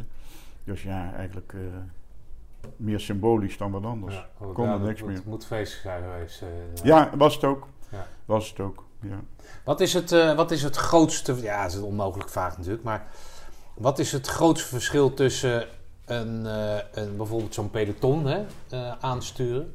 en zo'n bataljondivisie, weet ik wel hoe het heet. Zeg maar, zo grootschalig. Hoe, hoe, hoe, hoe ben jij dan als mens? Wat, waar verschilt dat in? Ja, eh, nou, eh, als je commandant van een peloton bent, dan heb je direct contact met de mensen eh, van het peloton. Die stuur je in persoon aan, zeg maar, door mondeling bevelen te geven, door te corrigeren, door met ze te praten, door met ze te feesten, door alles met ze te doen. Eh, als je op een hoger niveau komt, dan ken je de soldaten niet meer. Enkele uitzondering daar gelaten. Iemand die heel accelereert of iemand die heel slecht is. Hè, dus echt de buitenbeentjes, dan wel. Eh, maar dan stuur je eh, je ondercommandanten aan. Naarmate je hoger komt, worden die ondercommandanten natuurlijk ook hoger. Als je divisiecommandant bent, dan stuur je brigadecommandanten aan. Ben je brigade, stuur je bataljonscommandanten aan. Eh, maar behalve de bataljonscommandanten ken je natuurlijk ook de plaatsvervangende bataljonscommandant. En in veel gevallen ook de kompiescommandanten. Maar daaronder, dat wordt qua aantal wel moeilijk, maar ook in de organisatiestructuur wordt het moeilijk om die nog allemaal te kennen. Nou, nu nog niet zozeer kennen als wel hoe beweeg jij je dan? Ja. Beweeg, beweeg jij je onder de mannen? Nou, wat ik je vroeg, ga jij dan ook Nee, bij die 104 Ja, ja, ja. ja. Of, of ga je dan in burger? Of ga je dan... eh, Nee, vanzelf bij oefeningen en. en maar gaat het dan, hey vriend, hoe gaat het? Of eh, zie je het nog een beetje zitten? Of hoe? Nee, dan praat je natuurlijk wel met de mensen. Eh. Maar daarmee ken je ze nog niet. Eh, Nee, je tuurlijk zegt niet. Maar laat je- naar- ben je zichtbaar? Ben je- Ja, ja, ja, ja, dat wel. Ik heb, ja, natuurlijk, eh, sowieso eh, bij alle oefeningen eh, zelf meegedaan. Logisch. Eh, maar dan vind je toch tijd om eh, ook bij de onder, ondereenheden te gaan kijken hoe zij met de uitvoering bezig zijn. Nou, bij andere oefeningen waarbij het eh commandoniveau waar jij eh, op zit niet eh, meedoet, nou, daar ben ik zoveel mogelijk gaan kijken. Ik had een dienstauto en eh, ik eh, 80, 85.000 kilometer per jaar. Oh joh. Oké. Ja, omdat ik, eh, ik was zelden achter mijn bureau te vinden. Mijn secretaresse, eh, moet ik zeggen, een perfecte secretaresse hoor, die, die regelde een heleboel. Hoe heet, hoe heet ze? Weet je dat? Eh, Maya de Meijer. Oké, nou. Maar ja, bij deze. hè? Maya, Maya is ook met pensioen. Eh, maar we hebben nog steeds eh, contact hoor. Dus, nee, ik had een geweldige commandogroep bij de divisie. En nou ja, al die dingen van verlof aanvragen. Ik zei, ja, kom op, hé, daar ga ik me niet mee bemoeien. Want als een ondercommandant vindt dat hij met verlof kan, wie ben ik dan om te zeggen dat het niet kan? Ja, ja oké. Dus dan kan je natuurlijk zeggen, standaard eh, keur alles maar goed. Nou, dat hebben we ook gedaan. Ja. Eh, dat is gewoon, vind ik, een verantwoordelijkheid of iemand vindt dat hij weg kan of niet. Ja. Dat, dat staat een beetje gelijk aan, aan die eh, kast. Waar die dan niet messcherp, maar dat het net even 5 centimeter, dat maakt niet uit als je, als, je, als je maar presteert. Als je maar presteert. Ja, en als iemand met verlof gaat terwijl het niet kon, ja, dan, eh, Dan krijgt hij komen we elkaar alweer een keer tegen. Oké. Dus dat soort dingen, dat vond ik allemaal maar details. Hè. Daar moet je mij niet meer lastigvallen. Daar ga ik niet voor achter de computer zitten. Ja. Ja, verder vond ik, ja, ze moeten mij niet kennen van de foto's. Ze moeten mij kennen eh, omdat ik met ze gesproken heb, omdat ik bij ze gekeken heb, of belangstelling voor ze getoond heb, Ja. of wat dan ook. En het andere voordeel is, dat is ja, zeg maar een soort management bij walking around, dat je hoort heel veel. En alles wat je hoort, hoef je eigenlijk niet meer te lezen. Want natuurlijk kreeg ik eh, zulke stapels, dan praat ik over 30 centimeter post elke dag in postboeken. Nou, die nam ik mee in de auto en achter in de auto eh, werkte ik die post af. Nou, een heleboel kwam bekend voor, maar dat had ik al lang op de werkvloer gehoord. Ja. En dat post eilt wat dat betreft altijd na. Oké. En, dus ja, het was niet allemaal zeg ik maar, verloren tijd, Hm. administratief gezien dan. Dus, Maar denk jij dat jij bereikbaar was voor iedereen? ja, vind ik wel. Ja? Nou, dat, ja, dat vind ik niet alleen, maar dat vindt mijn omgeving ook. Dat weet ik, omdat ik heel laagdrempelig was. Als ik op mijn bureau was, eh, stond mijn deur altijd open. Iedereen eh, kon, via de secretaresse natuurlijk, kon altijd bij mij terecht. Als ik er was. Dus de laagste in rang kon zo aankloppen Iedereen bij... kon binnenlopen. Oké. En dat gebeurde ook. Oké. gebeurde ook om allerlei redenen. Dienstredenen, privéredenen, nou, noem maar op. Oké. Dus eh, ja, veel eh, geschillen beslechten natuurlijk. Hè. Mensen de- ja, van hun chef ergens geen toestemming voor kregen of iets niet mochten of wat dan ook. Ja, en dan vonden ze dat onrechtvaardig. Nou, Oké. Over wat voor, wat voor een werkweek hebben we het dan? Nou, toen ik generaal werd, hè, dus eh, eh, bij de luchtmobiele brigade, de divisie en het operationeel commando, minimaal 80 uur in de week. Oké. Maar dan ben je dus Minimaal. niet thuis, maar dan ben je ook nauwelijks eh zie je je bed. Niet veel, maar nou is het wel zo als de postboeken afgewerkt waren, kon je achter in de auto nog Tuurlijk. wel een, eh, een tukje doen. Want het was niet altijd in Nederland, natuurlijk ook naar het buitenland. Kijk, als je naar de schietserie Bergen-Honen, dat was acht uur rijden. Ja. Ja, dan doe je zes uur en dan ben je toch je concentratie kwijt. Hè? Eh, je postboeken en dan heb je nog twee uur om even een uiltje te knappen. Ja, oké. Maar dan kwam je fris bij de mannen. En, Ja, oké. Hoe doe je dat dan met die, met die kids thuis dan? ja, dat was eh, voor, eh, voor Petra. Oké. Dus eh, ik moet zeggen, ja, dat is natuurlijk niks dan lof. De Maar heb je dan, heb je dan contact met nog gedurende de week? Ja, natuurlijk elke dag even bellen. Je wil weten hoe de kinderen het op school gedaan hebben. En of alles goed gegaan is, of ze nog gezond zijn. En fijn, noem het allemaal maar op. Hm. Je moet natuurlijk wel op de hoogte blijven. En nee, dat gebeurde wel.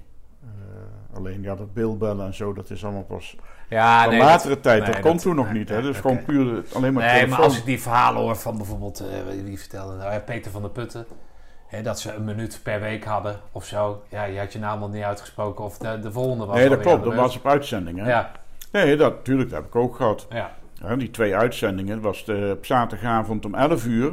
Want iedereen had een soort bloktijd gekregen. Maar zaterdagavond 11 uur, dan was het altijd eh doodstil in het eh, gevechtsveld. En dan werd de telefoon het minst gebruikt. En dan mocht ik van 11 uur tot 5 over 11 naar huis bellen. ja. Ik kan nou, dat is niet geloven.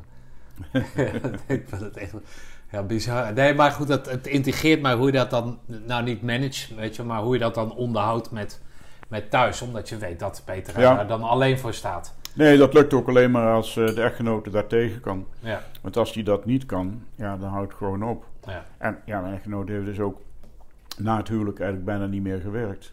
Ja. Nou was dat vroeger eh, sowieso officieren, hè, de echtgenoten officieren die werden geacht niet te werken.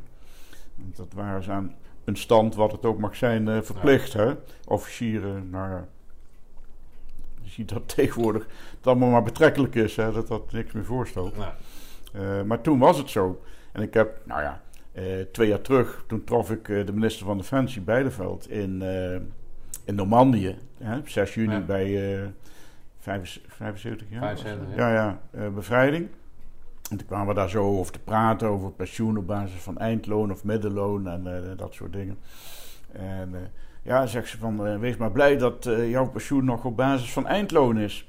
Zeg, ja, ik zeg maar vroeger werden de dames niet geacht om te werken. Dus ik heb mijn pensioen wel van één doen, hè? Ja, ja. In plaats van twee eh, tegenwoordig. Ja, dat bedrijf thuis moet natuurlijk betaald worden door één dan op dat moment. Ja. ja.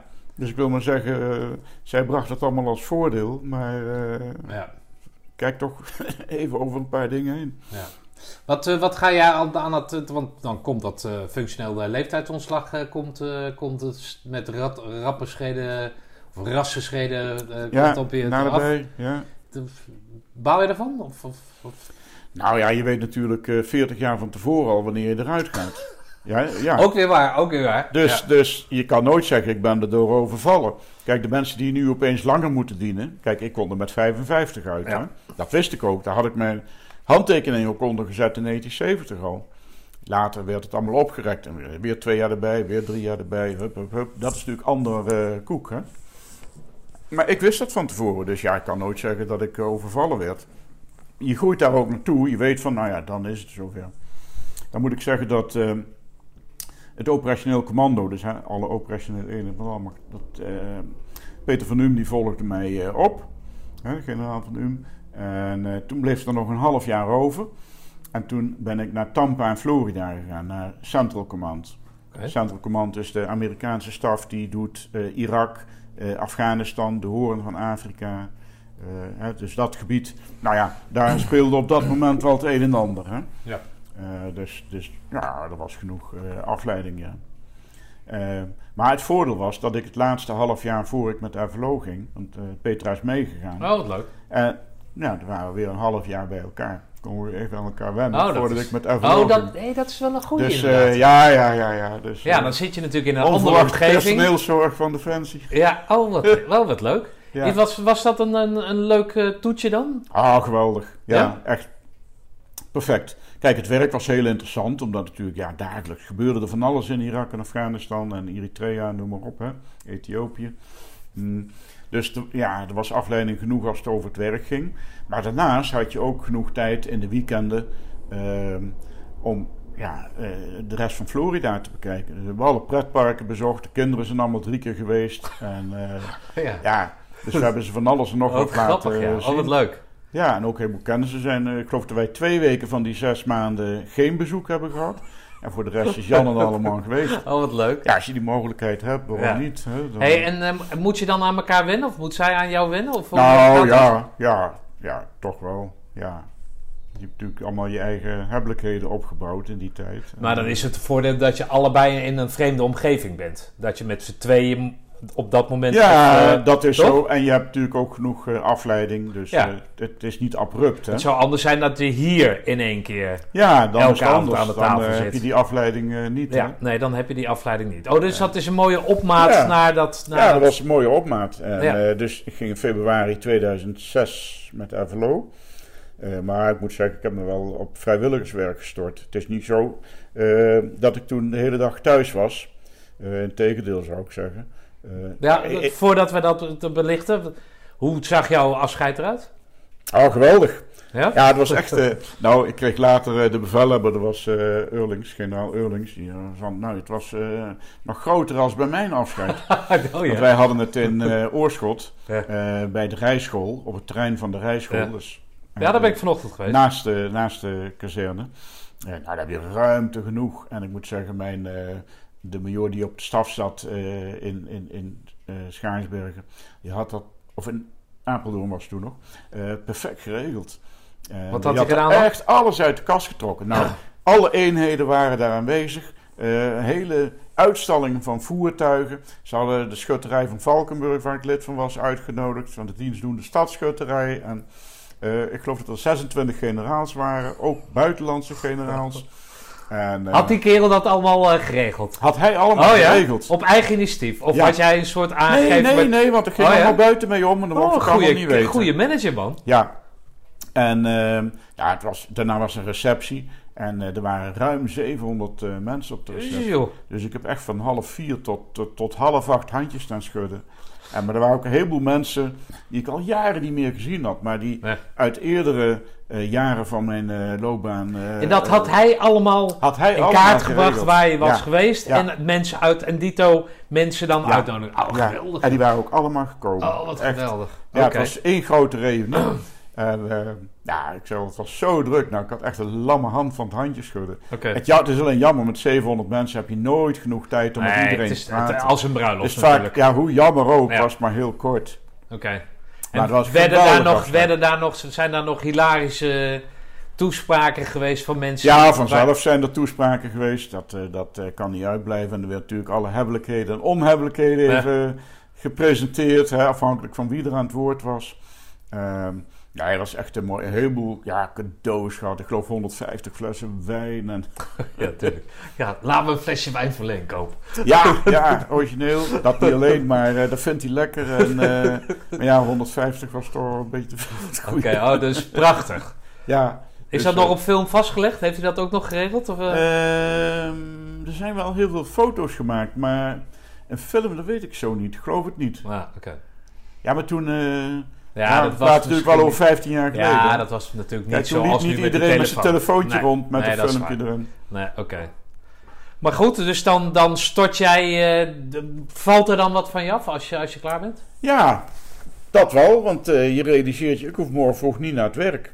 En ik Werd kan dat, een straf, uitslapen. werd, dat straf, werd dat een straf aan het einde dan? Nee, echt Oh, niet. Nee, want ik was al heel snel eh, met vrijwilligerswerk. eh, Nee, maar ik bedoel, aan het einde van je loopbaan, was dat een straf? Oh. waar je wer- werd het een straf? Nee, nee, nee, nee, Oh, helemaal dat voel niet. helemaal namelijk ook niet. Dat jij dat... Helemaal niet, maar hier is natuurlijk een andere omgeving. Hè? Ja. Hier is het niet direct noodzaak om, laat ik zeggen, om half zeven op te staan. Ja. Half acht is ook goed.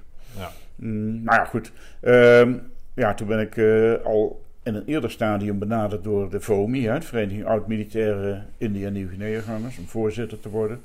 Heb ik ook eh, gedaan. Dus eh, daar, nou, daar heb ik heel wat eh, uren in kunnen stoppen. Ook kort daarvoor waren ze van de militaire tehuizen, van de Echo's Homes, komen vragen of ik daar voorzitter van het internationale deel wilde worden. Toen hadden we een samenwerkingsverband van vijf landen. Die Ja, ook wij zijn daar geweest, hè, dus dat is, een, Ja. dat is een soort oud van, oudsher militaire tehuizen, toch? Ja, KMT en de HMT en de PMT. Ja. En die zijn commercieel gemaakt, hè? Dat is Die zijn toen, eh, ja, eh, laat ik zeggen, eh, losgemaakt van de kerken.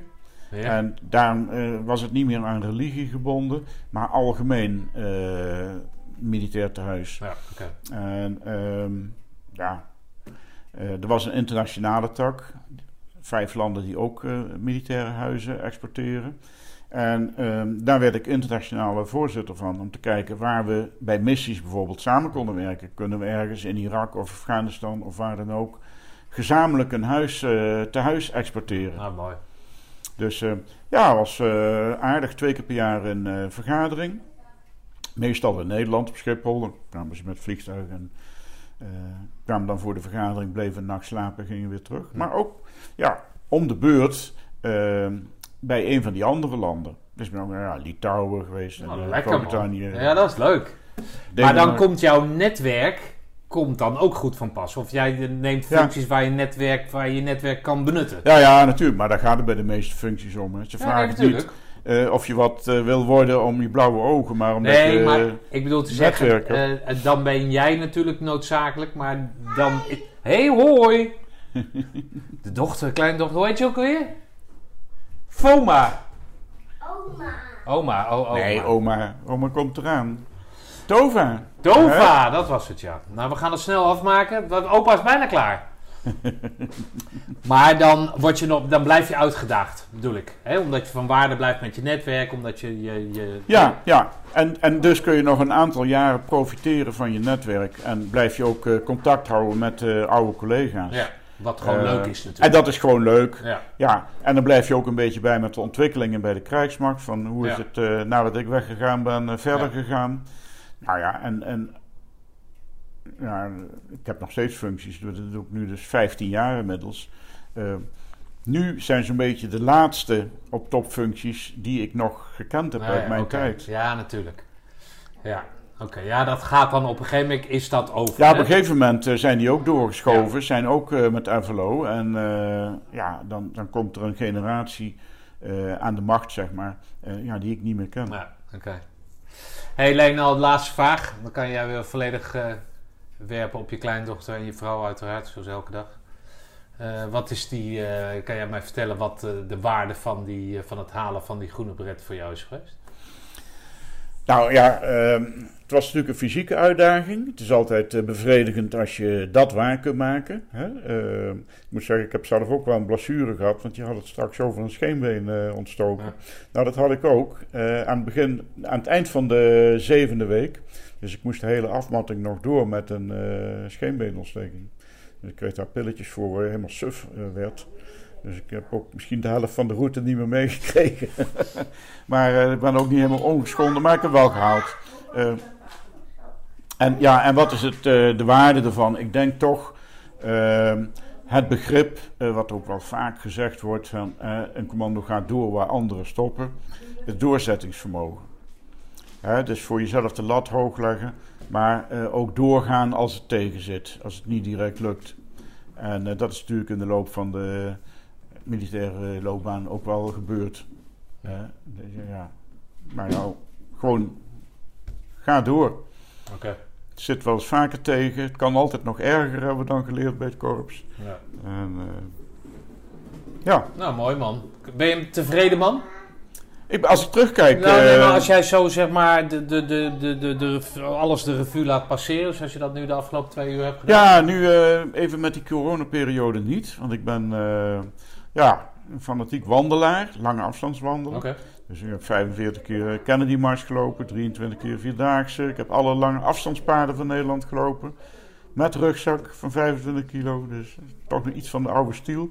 Eh, maar ja, door de corona ligt het al twee jaar stil. Ja. Trouwens ook bij de Commando eh, Wandelvereniging verschillende keren meegelopen. Twee jaar terug nog de Kevin van der Rijt Memorial March meegelopen. Maar dat komt nu En, eh, toch allemaal weer een beetje terug. Nou ja, voorlopig de Vierdaagse is weer niet doorgegaan nu afgelopen juli. Dus dat wordt pas volgend jaar. Ja, Nu wordt er wel een wandellooptocht georganiseerd. Maar ja, om van Zuid-Limburg helemaal naar eh, Noord-Groningen te rijden om, om, om twee uur door de modder te ploeteren. Ja. Dat, dat ging me toch wat te ver. Ja. En vooral omdat het 's morgens zo vroeg begint. Ja, dan moet je al midden in de nacht eh, daar naartoe. Ja. Dus dat was gewoon niet praktisch om daar mee te doen. Maar als ik vraag naar eh, hoe jij het, eh, het, het, het leven zo zeg maar weet te beschrijven, kan je dan zeggen dat ik te- tegenover een dat ik tegenover een gelukkig man zit? Of niet?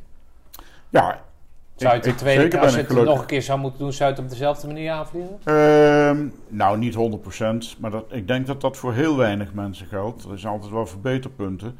Ja, die rode, als bret, mensen ha- die denken- rode bret halen bijvoorbeeld. Als mensen denken dat het niet zo is, dan moeten ze toch wat kritischer op zichzelf zijn. Een beetje zelfreflectie is nooit weg. Nee, je zou zeker dingen, sommige dingen anders doen. Dat, en, en, ja, misschien ook wel beter. Ik heb Nou. een nakke onderbroek aan.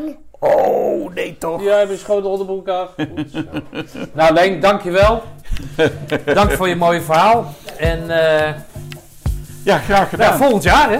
De reunie. Ja, volgend jaar reunie. Ja, daar hopen we zeker bij te zijn. Ja, dat is altijd geweldig gebeuren. En ik hoop dat, eh, dat er heel veel commando's die dit horen, daar ook naartoe gaan. Want Ja. de reunie is alleen maar leuk als eh, iedereen er naartoe gaat. Absoluut. Als je daar alleen staat, dan is er weinig aan. Dus eh, hoe meer zielen, hoe meer vreugd. Dankjewel, Leen. Alsjeblieft. Leen, Petra en Kleine Tova, dank voor de gastvrijheid en het inspirerende levensverhaal. Het gaat jullie goed.